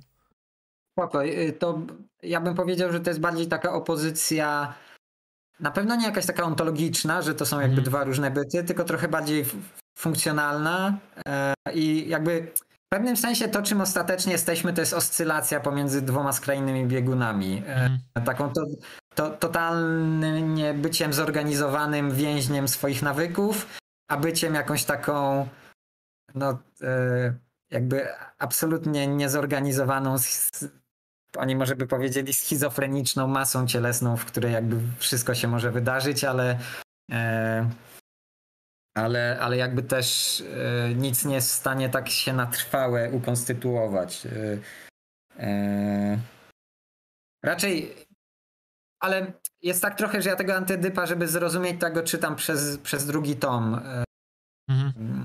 Przez, przez tysiąc platowo. tak e, e, włączając się, mi się wydaje, że to jest dobry trop. E, patrzę sobie w tle w ten słownik pojęć delezjańskich, anglojęzyczny, który ma trochę fajnych fragmentów jakby przy każdym pojęciu. A i właśnie przy ciele bez organów jest taki cytat z tej późniejszej pracy, co to jest filozofia, gdzie się dokładnie pojawia to, o czym tutaj rozmawiamy, czyli że ciało bez organów nie jest coś, co, czemu brakuje organów, tylko że brakuje mu organizmowi, brakuje mu organizmu, a organizm to jest pewnego rodzaju organizacja organów. Czyli tak można by sobie to wyobrazić. Wydaje mi się, że to jest nie ten, ten sam wątek, że organizm to jest właśnie ta organizacja organów, a ciało, ciało bez organów to jest ten taki nie wiem, moment myślenia o, o rzeczywistości, kiedy jeszcze ta organizacja nie nastąpiła. Kiedy to jest jeszcze jakieś takie w, w ramach tego pływu. Zbliżamy się do repulsji, Dawidzie. E, jeszcze trochę nam zostało. dobra, e, no ja już przeczytam, jak już czytamy ten, ten fragment, dobra, to, to idę dalej. E, ile gwoździ przeszywa jego żywe ciało, ile męczarni, na ile męczarni jest ono skazane. Ciało bez organów przeciwstawia maszynom pragnącym nieprzezroczystą i napiętą powierzchnię poślizgu. Pojawia się ta powierzchnia, o której tutaj wspominałeś związanym z, łączonym i, związanym z łączonym i przeciętym przepływom przeciwstawia swój amorficzny, niezróżnicowany płyn. Fonetycznym formom wyrazu przeciwstawia oddech i krzyk, bloki nieartykułowanych e, dźwięków. Sądzimy, sądzimy, że tak zwane pierwotne wyparcie nie ma innego znaczenia niż następujące. Nie jest to przeciwobsadzenie, czyli przeciwinwestycja, ale repulsja ciała bez organów wobec maszyn pragnących. no to jest bardziej skomplikowany fragment, bo kilka takich pojęć pojawia się, które jeszcze wcześniej chyba nie, no nie było, na przykład tego przeciw, przeciw inwestycji czy przeciw obsadzenia. E... O, o, inwestycjach też by, może powinniśmy sobie coś powiedzieć, bo to jest znowu włączenie tego języka ekonomicznego do mówienia o tym. E, A to nie jest tak, przypadkiem typowo freudowskie, że w sensie przeciwobsadzenie i przeciwinwestycja to też są terminy freudowskiej psychoanalizy, które e, też, się, też się używa jako kontrkateksji i przeciwkateksji. I ja to zawsze rozwi- czytałem w ten sposób. Rozwinąłbyś te terminy, bo mi się też wydaje, że y, to odniesienie psychoanalityczne jest co mhm, najmniej. Kont- kontrkateksja i przeciwkateksja tak, tak. to, to, to, jest sytuacja, kiedy y, ciało a, a, jakby. Jedno, jedno pytanko, y, a zaczniesz od inwestycji, bo ja dobrze nie pamiętam tego pojęcia inwestycji w psychoanalizie. Znaczy ja, ja przeciwobsadzenie i przeciwinwestycja tutaj pomiędzy nimi znak równości. Nie wiem, czy słusznie? sama inwestycja, jeszcze nie przeciw inwestycja. Zanim się dowiemy, czym jest przeciw, to bym no. chciał wiedzieć, czym jest, czym jest inwestycja. E, no ja to, ja to rozumiem, ja to czytam jako kateksja. Czyli kateksja to jest moment obsadzenia energetycznego, ruch energetyczny w stronę jakiegoś obiektu, nie? Czy to wyobrażeniowego, czy realnego. E, I przeciw kateksja i przeciw inwestycja w tym rozumieniu to jest moment, kiedy się jakby ciało odbiera jakby trochę tej energii E, z obsadzenia tego obiektu. Freud w którymś tekście podaje przykład, na przykład, kiedy uderzymy się, chyba on podaje przykład kolana, to w momencie, kiedy nas boli te kolano, to my do, dokładamy właśnie przeciwka teksji, że to jest coś, co niby ciało robi, żeby nie obsadzać energetycznie e, tego miejsca, jakby żeby nas przestało boleć. Tak, to cut the long story short, e, to jest, nie, nie pamiętam, który to jest tekst Freuda, ale mogę po, e, po poczytaniu go odszukać i odgrzebać. I no też ważne w tym kontekście tutaj to jest to, to jest e, pierwotne wyparcie, nie? Bo wydaje mi się, że też to dla wielu będzie E, dosyć tajemnicze i pierwotne wybarcie to też jest e, termin czysto psychoanalityczny, to jest moment, kiedy wyodrębnia się świadomość od nieświadomości, czyli z, z, następuje pierwsze zepchnięcie bardzo dużej części przeżyć, emocji i tak dalej do nieświadomego i takie przekreślenie, że jakby no to już jest nie, nie, nie do odczytania, nie? przynajmniej dla Freuda, e, no dla Freuda. O Deleuze i Guattari mogą sądzić o wiele inaczej. E, no i jakby dla mnie też ten, ten, ten fragment jakby oznacza, że właśnie e, Deleuze i Guattari mówią, że to nie jest właśnie przeciwinwestycja, czyli że tam to, to nie, nie, jakby to wyodrębnienie tej świadomości to nie jest coś, co się jakby wydarza przez to, że istnieje jakaś część świadomości, która zostaje zepchnięta do nieświadomego, tylko jakby ta, pokazuje, że to jest relacja e, kompletnego jakiegoś takiego e, aktywnej postawy odrzucenia, nie? E, I to ten fragment mi mówi, że jakby równa trochę to, co u Freuda jest nieświadome ze świadomym i pokazuje, że e, ciało bez organów jakby traktuje te dwie części de facto tak samo, nie? Nie wiem, oddaję już może dalej, dalej głos. To w takim razie czym by była ta repulsja? Samo słowo repulsja w ogóle, co, co to oznacza? Bo nawet... Znaczy, a... Repulsja w takim typowym znaczeniu to jest wstręt lub silna niechęć do czegoś. Mhm. E... Więc to, to jest takie nietechniczne rozumienie tego słowa, znaczy ono tak funkcjonuje w języku nie no, potocznym, trudno mhm. powiedzieć, bo nie jest to do końca słowa potoczne, ale powiedzmy, że tak. A, więc wstręt, niechęć.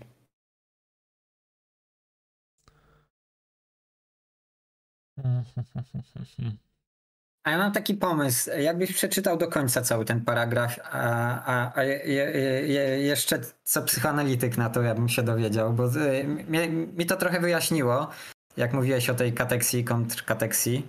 E, e, chociaż jeszcze jakby nie, nie do końca wiem, do czego to prowadzi. Y, znaczy tak by the way w ogóle na marginesie to dla mnie jakby to E, w ogóle ja czytam całego de facto antyedypa i tak rozumiem schizoanalizę jako taka próba stworzenia psychoanalizy poza Edypem, ale, o, ale opisując bardziej jakieś e, punkty przepływu energii. I też się spotkałem z takimi interpretacjami, dlatego też uważam, że na pewno to jest dosyć, to dosyć istotne, żeby przynajmniej te teksty Freuda na temat kateksji mieć jakoś pod ręką, nie? Przynajmniej ja go tak czytam z takim kluczem interpretacyjnym. Znaczy, no tak, tak, na pewno pomyślenie jakiejś takiej nowej psychoanalizy, właśnie tej materialnej psychiatrii, to jest jeden, jeden z celów tego projektu.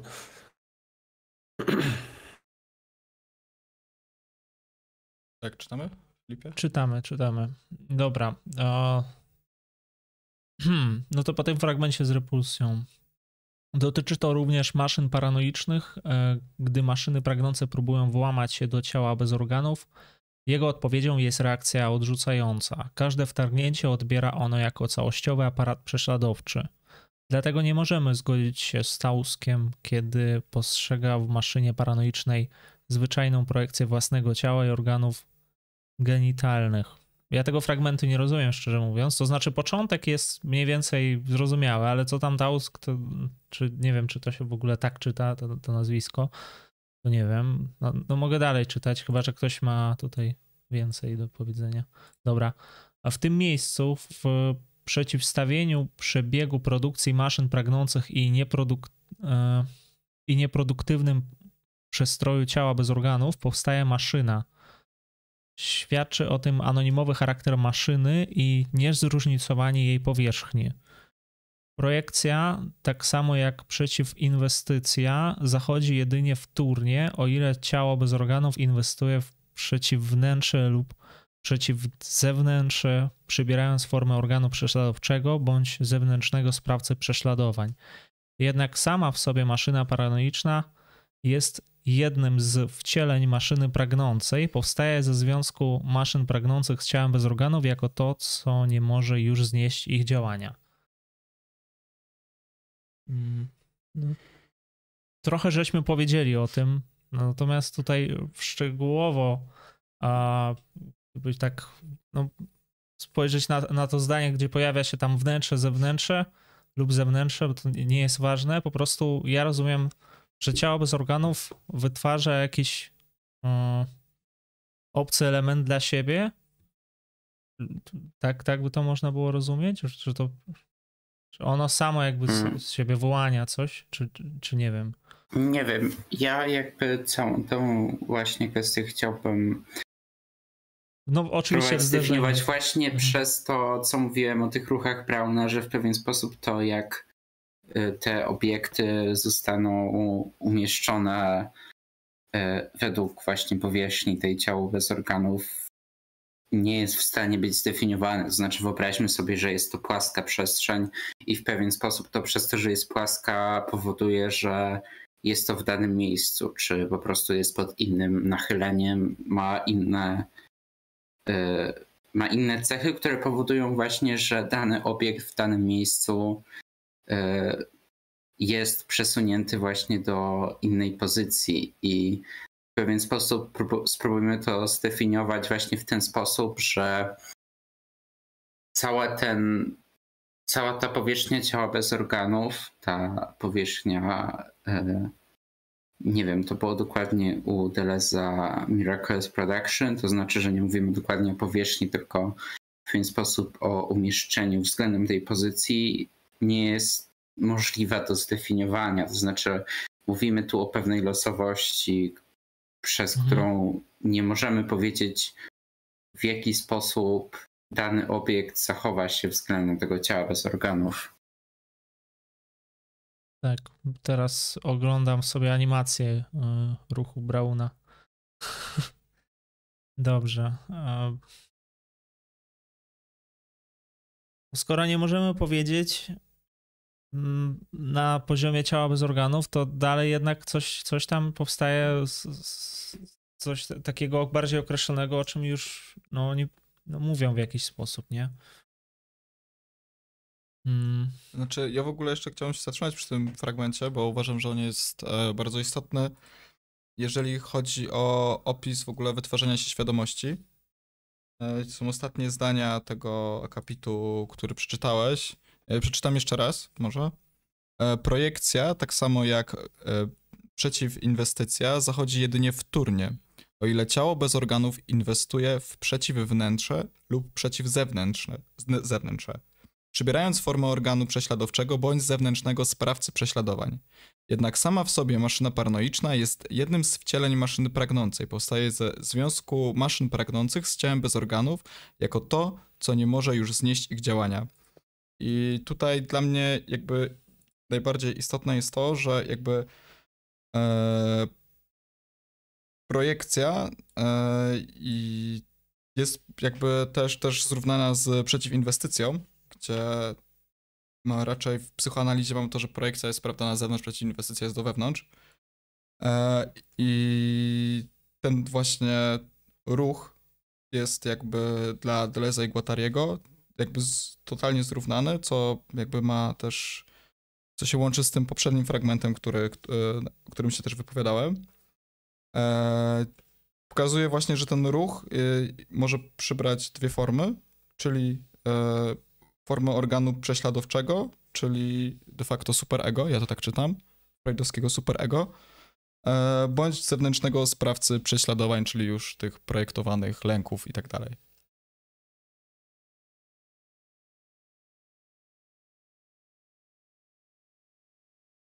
Wiesz co, ogólnie to jest ten... Yy nie zwróciłem na to uwagi, ale ja też chyba się po prostu nie posługuję tym słownikiem e, psychoanalitycznym. Ale to, co mówisz, jakoś tak mi pasuje do o, ogólnie ontologii Deleza, nie? Bo jakby Deleza wnętrze to jest tylko pofałdowane zewnętrze, tak? I, i istnieje tylko zewnętrze i, i, i, wszelkie wnętrze tworzy się jako pewne takie złudzenie poprzez, poprzez pofałdowanie tego zewnętrza, więc dlatego jakby można zrównać te dwa procesy, nie? Bo one one na poziomie ontologicznym y, są takie same.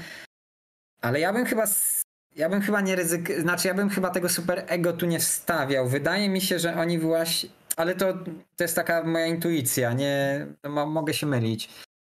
Wydaje mi się, że oni próbują opisać te, e, jakby to, to, te prześladowanie e, E, bez, be, właśnie pokazać, że ono, e, to nie super ego je dokonuje, że ono jakby już wcześniej może się dokonać. Tak, bez... tak, znaczy, tak, tak, znaczy yy, zgadzam się z tym, ja tylko wspomniałem o tym super ego, że wydaje mi się, że ten w tym tekście jakby Deleuze i Guattari właśnie pokazują, że jakby ono samo w sobie nie ma znaczenia, bo jest, ma dokładnie taką samą funkcję, jak powiedzmy yy, projekcja jakichś lęków i tak dalej, nie?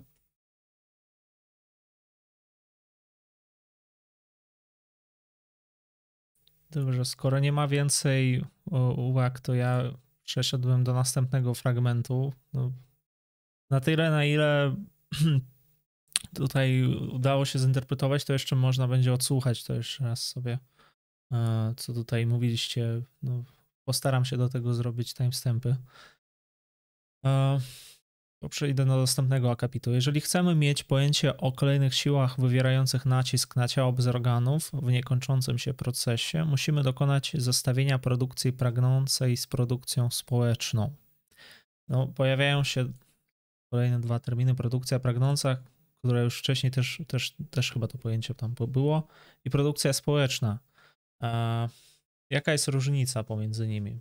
Możemy jakoś y, określić tą różnicę? Wydaje mi się, że musisz przeczytać kolejne zdania, Aha. bo. Dobra, dobra, dobra. Takie zestawienie jest zabiegiem wyłącznie fenomenologicznym, nie przesądza ani o istocie, ani o związku między obiema formami produkcji. Co więcej, nie rozstrzyga, czy rzeczywiście istnieje, istnieją dwie formy. Wskazuje jedynie, że formy produkcji społecznej, tak samo jak maszyny pragnące, zawierają pewien niewytwórczy, nieproduktywny stan przestoju element antyprodukcji łączący się z przebiegiem procesu. Ciało pełne określone jako socius. E, może to być ciało Ziemi albo ciało despotyczne bądź kapitał. No. Jasne. Tu się, tu się pojawia pytanie jakby o związek między pojęciem ciała pełnego a ciała bez organów. One się wydają być bliskie. E, w sensie ten socjus to też jest ciało bez organów, ono będzie tutaj funkcjonować, więc nie wiem, czy ktoś z was jakby potrafi to mm, dookreślić, czym, czym to się różni, albo może się niczym nie różni. no tutaj ktoś mówił, nie wiem, Cezary chyba powiedział, że socjus to jest to, to, takie ciało bez organów na poziomie społecznym. Coś takiego. Nie, jakby między ciałem bez organów a ciałem pełnym. Aha. Mm, w sensie, a, czy, no ciało to, pełne to jest jakieś inne określenie ciała bez organów? Hmm. Nie, nie wiem, mnie, ten termin zawsze też trochę zwodził i wydaje mi się, że oni potem z niego zrezygnowali w drugim tomie, nie? nie tak, tak. Bo mi się to... Dobra, nie jestem pewny, ale kojarzy... raczej mhm. tak mi się wydaje. Mi się to kojarzy z e, tymi rysunkami schizofreników, o których oni tam mówią jeszcze w pierwszym rozdziale, że te rysunki schizofreników są przepełnione jakąś treścią. Nie wiem, czy to jest w ogóle dobre skojarzenie, ale no, to jest dalej jakby to samo ciało bez organów, tylko Boże, nie wiem, czy, którym się coś dzieje, ale czy, czy, różnica jest jakaś pomiędzy tym pierwszym a drugim, to nie, nie wiem, nie wiem. Hmm. Znaczy może tutaj dalej jest trochę fragment, gdzie znowu się pojawia słowo ciało pełne. E, znaczy mhm. tutaj, tutaj jest akurat e, tłumaczone czym jest socjus, ale znowu się pojawia ciało pełne. E, to ja przeczytam może. Mówiąc krótko, Socius jako ciało pełne tworzy powierzchnię, na której zapisuje się każda forma produkcji, sprawiając przy tym wrażenie, jakby emanowała z powierzchni zapisu. E, no i też ten potem powierzchnia zapisu ona też się trochę tam pojawia, nie? nie wiem, czy możemy zaryzykować stwierdzenie, że ciało pełne jest takim ciałem bez organów, na którym jest w ogóle możliwy ten zapis, że ja bym tak to ewentualnie, jakbym coś, coś, coś, coś rozróżniał, to tylko i wyłącznie w ten sposób, e, bo in, innego, innego pomysłu nie mam. Mhm. No, wydaje mi się, że jak sobie sam czytałem ten tekst, to po prostu te dwa pojęcia zlałem, żeby sobie uprościć, ale teraz, teraz zwracam uwagę na to, że są faktycznie dwa różne. Mm, no, no ciekawe.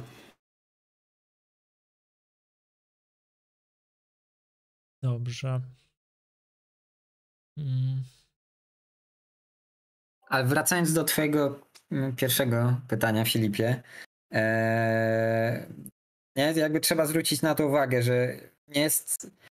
E, pytają o relację między produkcją pragnącą a produkcją społeczną i nie rozstrzygają tego, e, tego czy to są dwie różne produkcje, czy, czy, czy dwie formy produkcji, czy, czy, czy jedna produkcja. Jezus, dawno czytałem tę książkę, już nie pamiętam tych terminów, jakie się tam pojawiają, ale oni w którymś momencie rozróżniają pomiędzy e, rzeczami, które różnią się naturą, a funkcją chyba. I się mhm. okazuje, że e, różnica pomiędzy produkcją społeczną, że produkcja społeczna i produkcja pragnąca to jest jakby na poziomie ontologicznym to samo, tylko funkcjonujące w trochę inny sposób. I tam jest cały szereg takich mm, pozornych opozycji, to znaczy pozornych w tym sensie, że one mają charakter funkcjonalny, a nie, e, nie metafizyczny, e, jak na przykład molowe i molekularne. Tak? Mhm. Produkcja pragnąca opisuje ten poziom molekularny. W pewnym sensie poziom tego, jak się jednostkowa psychika czy jednostkowa nieświadomość wyłania, ale tylko w pewnym sensie. Natomiast produkcja społeczna no, opisuje właśnie jak, e, jak powstają maszyny społeczne, jak, jak, jak dana, dany typ organizacji społecznej jest wytwarzany. Mhm. I mi się wydaje, e, trochę spoilując, bo to chyba jakoś tam dalej się pojawia, e, ale mi się wydaje, że to jest taka informacja, którą jednak dobrze już jest wprowadzić na tym etapie, że cały ten projekt to jest próba pokazania, że jakby mm, jak to powiedzieć dobrze, e, że sposób, jakby ontologicznie te dwa procesy, czyli tego, jak powstaje jednostkowa, e, jednostkowa psychika e, albo jednostkowa podmiotowość i jak powstaje społeczeństwo, to jest ontologicznie jeden i ten sam proces produkcji. E, I e, no jakby i to ma masę, masę konsekwencji, tak? Że je, jest coś takiego, e, jest coś takiego bardzo pierwotnego. E, ja, ja, ja, teraz zrobię coś bardzo dziwnego i przywołam nazwisko e, polskiego filozofa, który żył 100 lat przed Delezem. No dobra, może nie 100, ale zmarł, zmarł zanim Delez się urodził.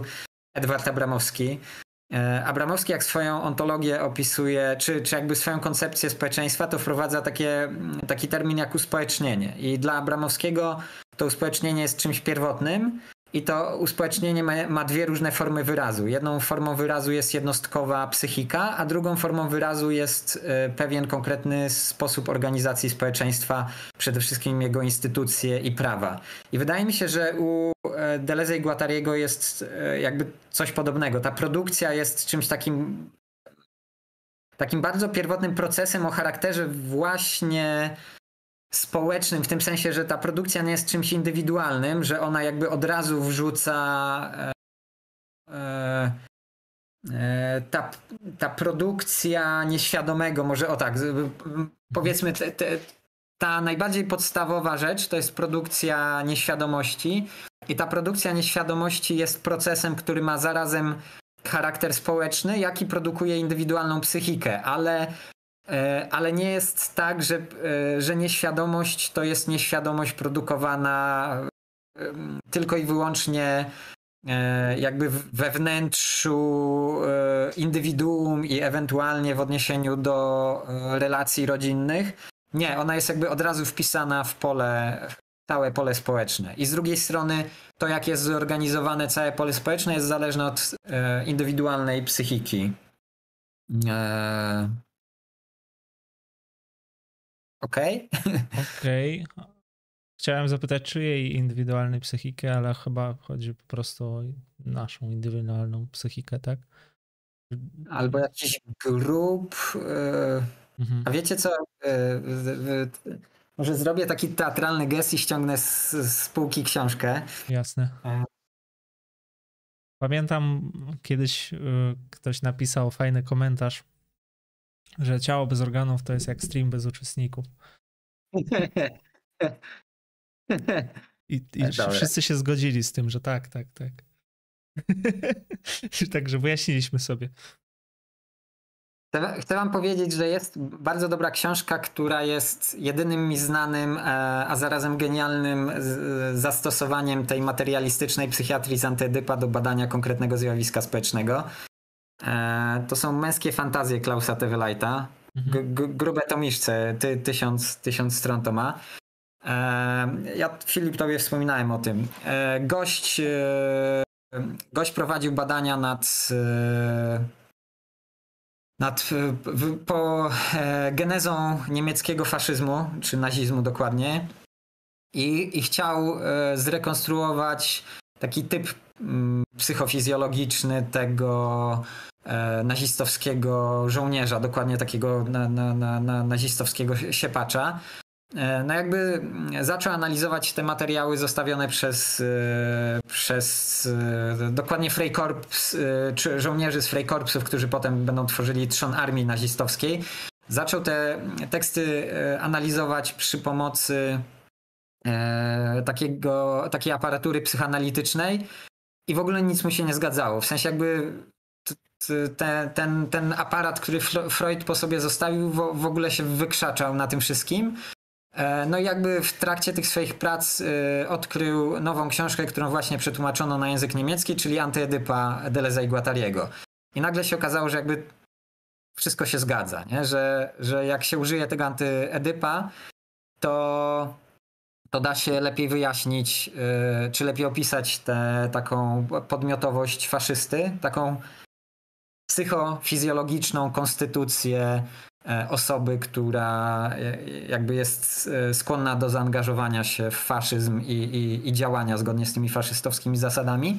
Ale właśnie ta książka też zawiera opisy oprócz jakby kształtowania się jednostkowej psychiki, też proc opis procesów społecznych, które prowadzą do wyłonienia się takiego takiego typu psychiki. I mi się wydaje, że to jest ważne, że mamy pomiędzy e, jednostkowym podmiotem, a społeczeństwem e, takie sprzężenie zwrotne, gdzie e, to, jakie są jednostki, określa to, jakie społeczeństwo będą tworzyły, ale to, jakie społeczeństwo E, to, jakie społeczeństwo, określa, jakie będą e, powstawać jednostki. Więc e, wydaje mi się, że tutaj jest takie sprze- to, to sprzężenie zwrotne pomiędzy tą produkcją pragnącą, a produkcją społeczną bardzo, bardzo ważne. Mhm. Mm. Pojawił się też komentarz odnośnie ciała bez organów pełnego i, nie, i po prostu. Piotr Wesołowski napisał, są to różne rodzaje CBO, jest pełne CBO i puste CBO. To drugie, czyli to puste, będzie CBO narkomana albo faszysty, więc pełne CBO jest chyba mniej reaktywne, a w logice sensu pełne CBO jest wręcz synonimem ego. Hmm. Ja jeszcze mniej rozumiem, szczerze powiedziawszy. Ale dzięki za komentarz. Nie, no jasne, Czyli... załóżmy, że to jest jakiś wątek do sprawdzenia. Ja wcześniej na to nie zwróciłem uwagi, tak mi się teraz rzuciło. Będzie można pewnie sobie potem w domu sprawdzać, jak, jak to kogoś interesuje, ja sobie pewnie sprawdzę. Mhm. Dobra. E, ja nie, nie chcę przedłużać na siłę jakby tego czytania. Ja bym skończył ten... Aha, no tam jeszcze jest połowa. No zobaczymy. Ja, ja bym tak już kończył powoli po prostu. Nie wiem, jak wy się czujecie, e, bo rzeczywiście, no, no co, ciężko się czyta, trzeba przyznać. E, Czy ja już otrzymam zmęczenie. No, no właśnie, no, no, no, no Takie no. pojęciowe, już tutaj Szczególnie, że 45, więc... Jak się wraca do tego tekstu po tylu miesiącach, to w ogóle jest taki że takie nie, nie, niezrozumienie, nie ma, czy przypominanie sobie wielu rzeczy. No ale dobrze, no. Nie wiem, jak, jak się czujecie później, czy my będziemy to czytać, czy coś innego może poczytamy z Deleza. No ale to może sobie to później po streamie już ustalimy. Jeszcze się zastanowię. Chyba, że ktoś chce napisać w komentarzach coś na ten temat. Eee... Co społeczeństwo konstruuje własne szaleństwo, dokonując zapisu procesu produkcji. Dobra, to jest, nie, to jest później. Jeszcze wcześniej fragment o Marksie był, a odnośnie tego Socius, może to być ciało ziemi, ciało despoty bądź kapitał, to o nim Marx powiedział, że nie będąc produktem pracy, wydaje się być jej naturalnym czy boskim założeniem. Nie wystarcza mu przeciwstawianie się siłom wytwórczym samym w sobie, nakłada się na każdą formę produkcji, ustanawia powierzchnię, na której dystrybuuje siły i czynniki produkcji, także dla siebie przywłaszcza nadwyżkę i sobie przypisuje całość i część procesu, który wydaje się teraz emanować z niego niczym z quasi przyczyny. No jest znów to powierzchnia, jest na niej powstaje, powstaje jakieś ciało. Mm, dobra. Mi się wydaje, że to, co przeczytałeś, to jest dosyć ważny fragment. To pojęcie quasi przyczyny, e, ono się już poda, pojawia w logice sensu. Mhm. Nie wiem, czy tu nie ma trochę innego znaczenia niż tam. E... Ale co, co to pojęcie oznacza? W sensie tak dosłownie, jak to jest napisane, że to jest po prostu. No, albo można, albo y, nie, nie pamiętam, czy w angielskim tekście to nie jest przetłumaczone jako pseudoprzyczyna. Aha. Aha. No ja bym to rozumiał tak, że y, to ciało, ten socjus tutaj, nie? To ciało bez organów społecznych, ten socjus e, no jakby on się wydaje być przyczyną, czy zachowuje się jak przyczyna, ale tak naprawdę nie jest przyczyną i nie. Nie, nie, nie, nie wiem, czy mhm. dobrze rozumiem ten fragment, ale jakoś e, tak mi się na, narzuca. Mhm. No bo y, inaczej, co, co to znaczy, że kapitał jest e, quasi przyczyną pracy?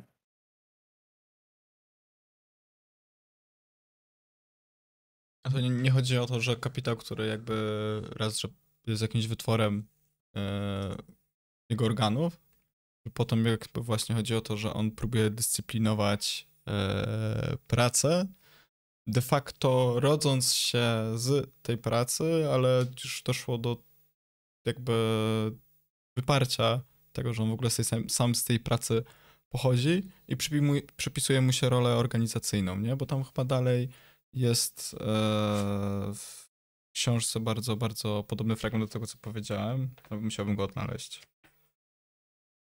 Chyba to tak, znaczy, nie wiem. E, nie wiem, czy chodzi o to, bo szczerze mówiąc, trochę przez chwilę nie słuchałem, bo po prostu musiałem załatwić jedną rzecz.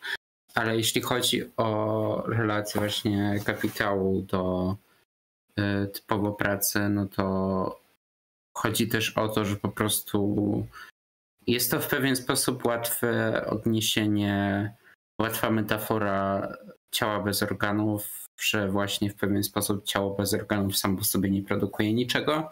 To znaczy mówimy o kapitale, który w pewien sposób bierzemy za coś, co bierze się z samego siebie e, w na przykład produkcji kapitalistycznej.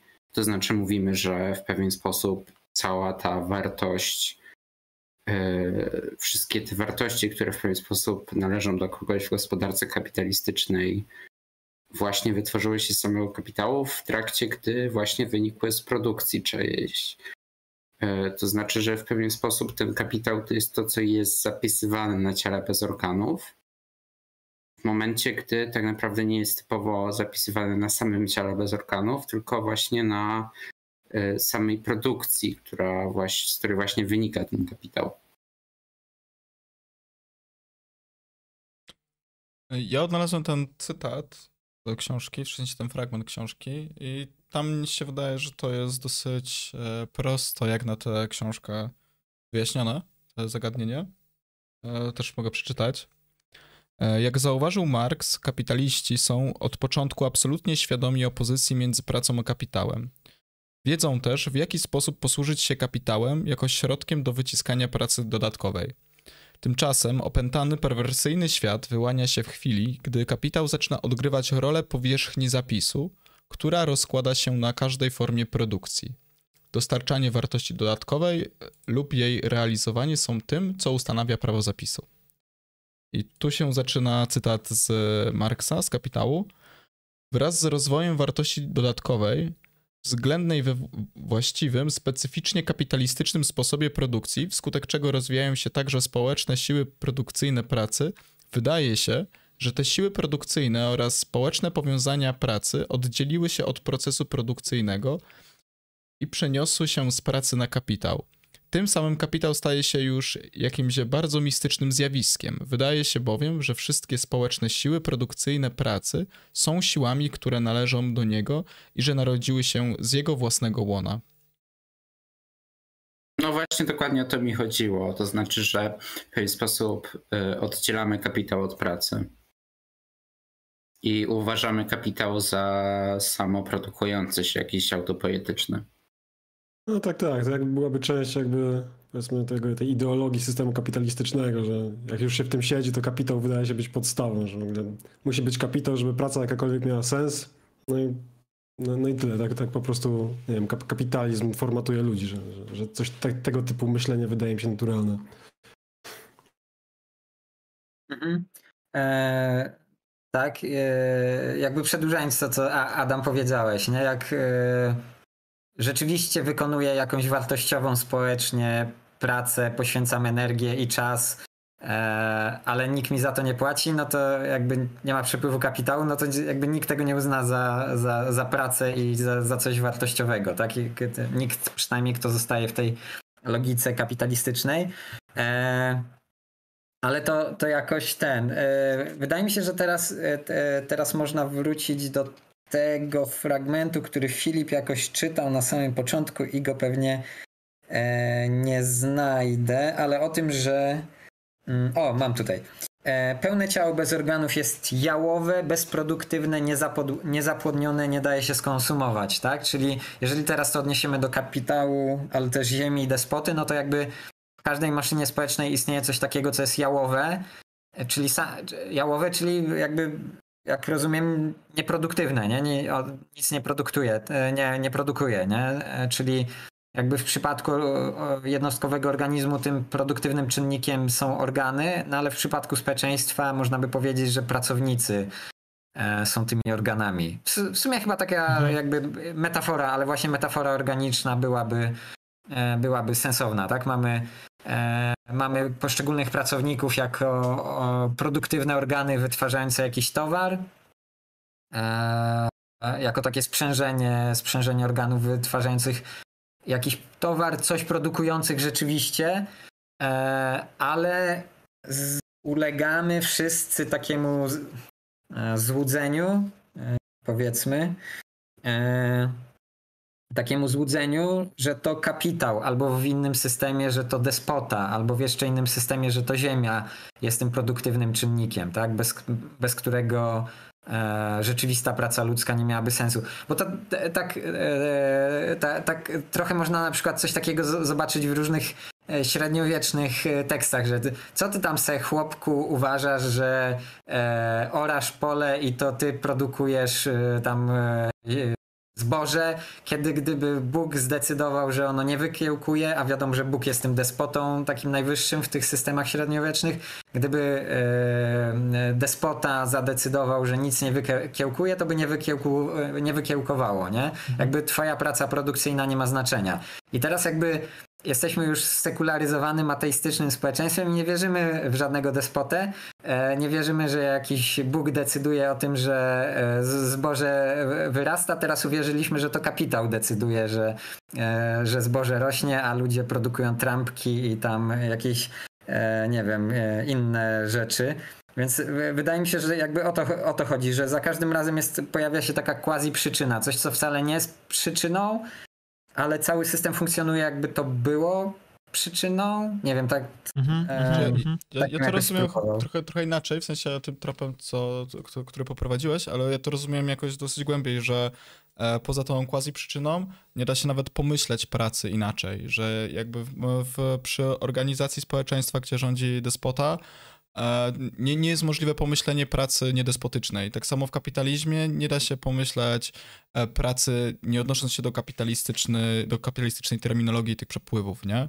Że to nawet, nawet nie chodzi o nadawanie sensu jako tako, ale samą perspektywę, którą się ma, którą można posiadać, nie? Samo spojrzenie, że zawsze z, zawsze spotykamy właśnie, właśnie ten, ten y, zapis, ten socius, coś, co jest jakby zorganizowane i my nie umiemy nawet widzieć tego inaczej, że my tak czy inaczej zawsze, y, zawsze będziemy widzieć pracę jako wyrosłą z kapitału, mimo że kapitał powiedzmy ma teoretycznie korzenie w tej pracy, nie?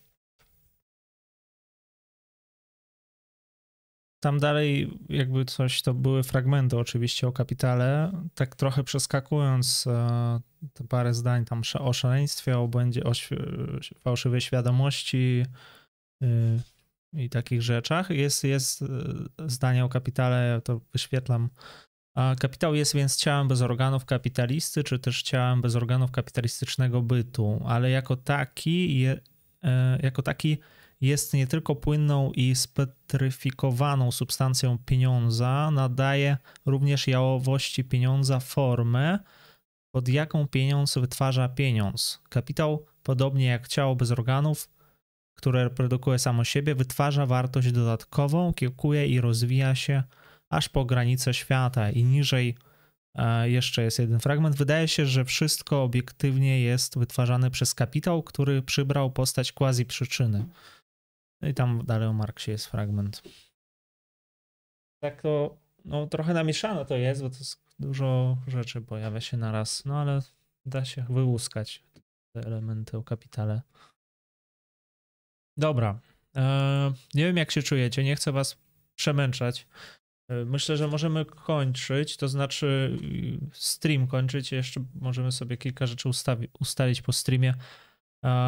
Nie wiem, jak się to oglądało. Doszliśmy do dwóch no. godzin. Myślę, że także dla naszych odbiorców więcej niż tak. dwie godziny z czytaniem tego tekstu to, to będzie dostateczna dawka. Jest jeszcze parę innych odcinków, które można sobie obejrzeć. Tak, tak. E, no, na początku było 50-60 osób, później do 24 spadło i teraz jest 30. Rozumiem, że ludzie przychodzą, wchodzą, wychodzą. Jest ciągły przepływ widzów.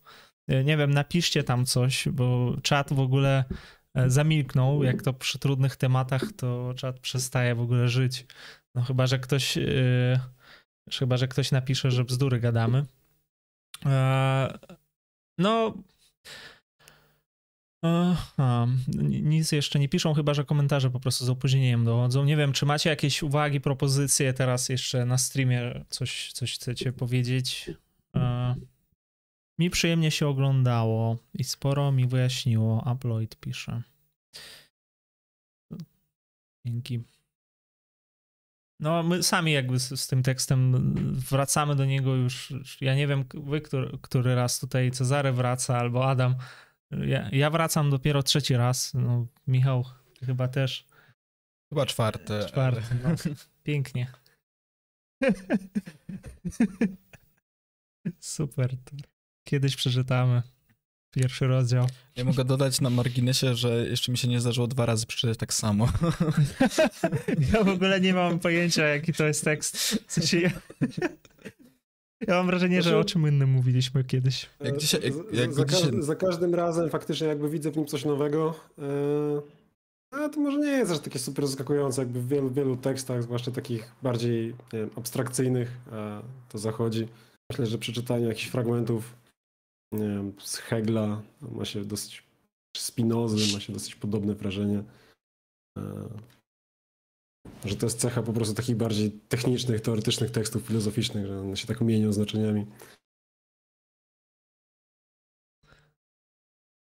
No dobrze, to może ja wam jeszcze oddaję głos tutaj, no, ostatnie słowa, nie wiem, czy chcecie coś jeszcze powiedzieć i, i, i ja będę kończył w takim razie ten stream. Dzięki znaczy, za gościnę. Nie, e, mój pierwotny pomysł na tą serię, nie wiem, to się, ta, takie, taką miałem aspirację, żebyśmy mm -hmm. sobie przeczytali przynajmniej cały pierwszy rozdział. Mm -hmm. Teraz e, ten pomysł powoli przestałem się wydawać taki dobry. No nie wiem, e, zobaczymy co będzie dalej. E, pierwszy rozdział jest długi w każdym razie, a idziemy przez to dosyć wolno. Tak. E, Kacper e, Kinia Kinastowski napisał Antyedyp to trudna książka, więc komentarze i przemyślenia będą cenne, jeżeli kiedyś podejmę się lektury. Dobra. E, no to ja dziękuję a, wam. A, tak. Ja, ja to jeszcze mam słowo do, do tego, co Adam powiedział. No właśnie się zastanawiam, jakby mi trochę dała taki, di, di, taki close reading, e, z, bo jakieś były fragmenty, które nie wiedziałem o co zaczepić, a teraz wiem o co zaczepić. Ale z drugiej strony zastanawiam się, e, to jest do przemyślenia, ale czy nie, e, można by też trochę przelecieć nad tą książką, nie? No bo zobaczcie, jak ona jest skonstruowana. E, w pierwszym rozdziale macie omówienie trzech syntez, czy trzech etapów produkcji pragnącej. Potem w drugim rozdziale jeszcze raz omówienie tych samych trzech syntez, tylko już z rozróżnieniem na prawidłowy i nieprawidłowy użytek i ze skupieniem na nieprawidłowym użytku, który psychoanaliza e, czyni. I w trzecim rozdziale jeszcze raz dokładnie te trzy same syntezy, tylko już w odniesieniu do trzech różnych maszyn społecznych i pokazanie, jak każdej z maszyn społecznych inna z tych syntez staje się dominująca e, i, i, i trochę się zmienia. Tak jakby na przykład druga synteza, czyli zapisu raz przybiera postać ziemi, raz ciała despoty, raz, e, raz kapitału. E, więc ten tekst mam wrażenie, że on się trochę wyjaśnia. Jakby późniejsze części wyjaśniają te wcześniejsze, więc, mhm. więc może, może trzeba trochę lecieć nad tym, ale sam nie wiem. Close reading też ma jakieś takie swoje zalety. Tylko mniej uporządkowany się to wtedy wydaje się tak linijka po linijce czyta. A to taka no, moja uwaga na koniec. No tak, to ja, ja dziękuję wszystkim, że wzięliście w tym udział. Dziękuję też tobie, Cezary, że przy, przyszedłeś do nas i no super, fajnie, fajnie ciebie zobaczyć. Nie spodziewałem się też, że Michał, że też tutaj będzie ze mną dzisiaj. Adam, dzięki wielkie. Nareszcie udało nam się spotkać i dzięki Wam też, chłopaki, tutaj e, Maksymilianowi e, za, za te uwagi. No, to nie wiem, kiedy my się widzimy, może na jakimś innym streamie o, z jakimś innym tematem. E, Antedy pewnie kiedyś wrócimy jeszcze raz. Nie, nie chcę zapowiadać teraz kiedy, bo teraz zdałem sobie sprawę, że po prostu we dwójkę czy im mniej osób, tym gorzej. Jak jest więcej osób, to więcej jest pomysłów i lepiej to się czyta. No, samemu jest ciężko. dziękuję, kończę stream. Na razie.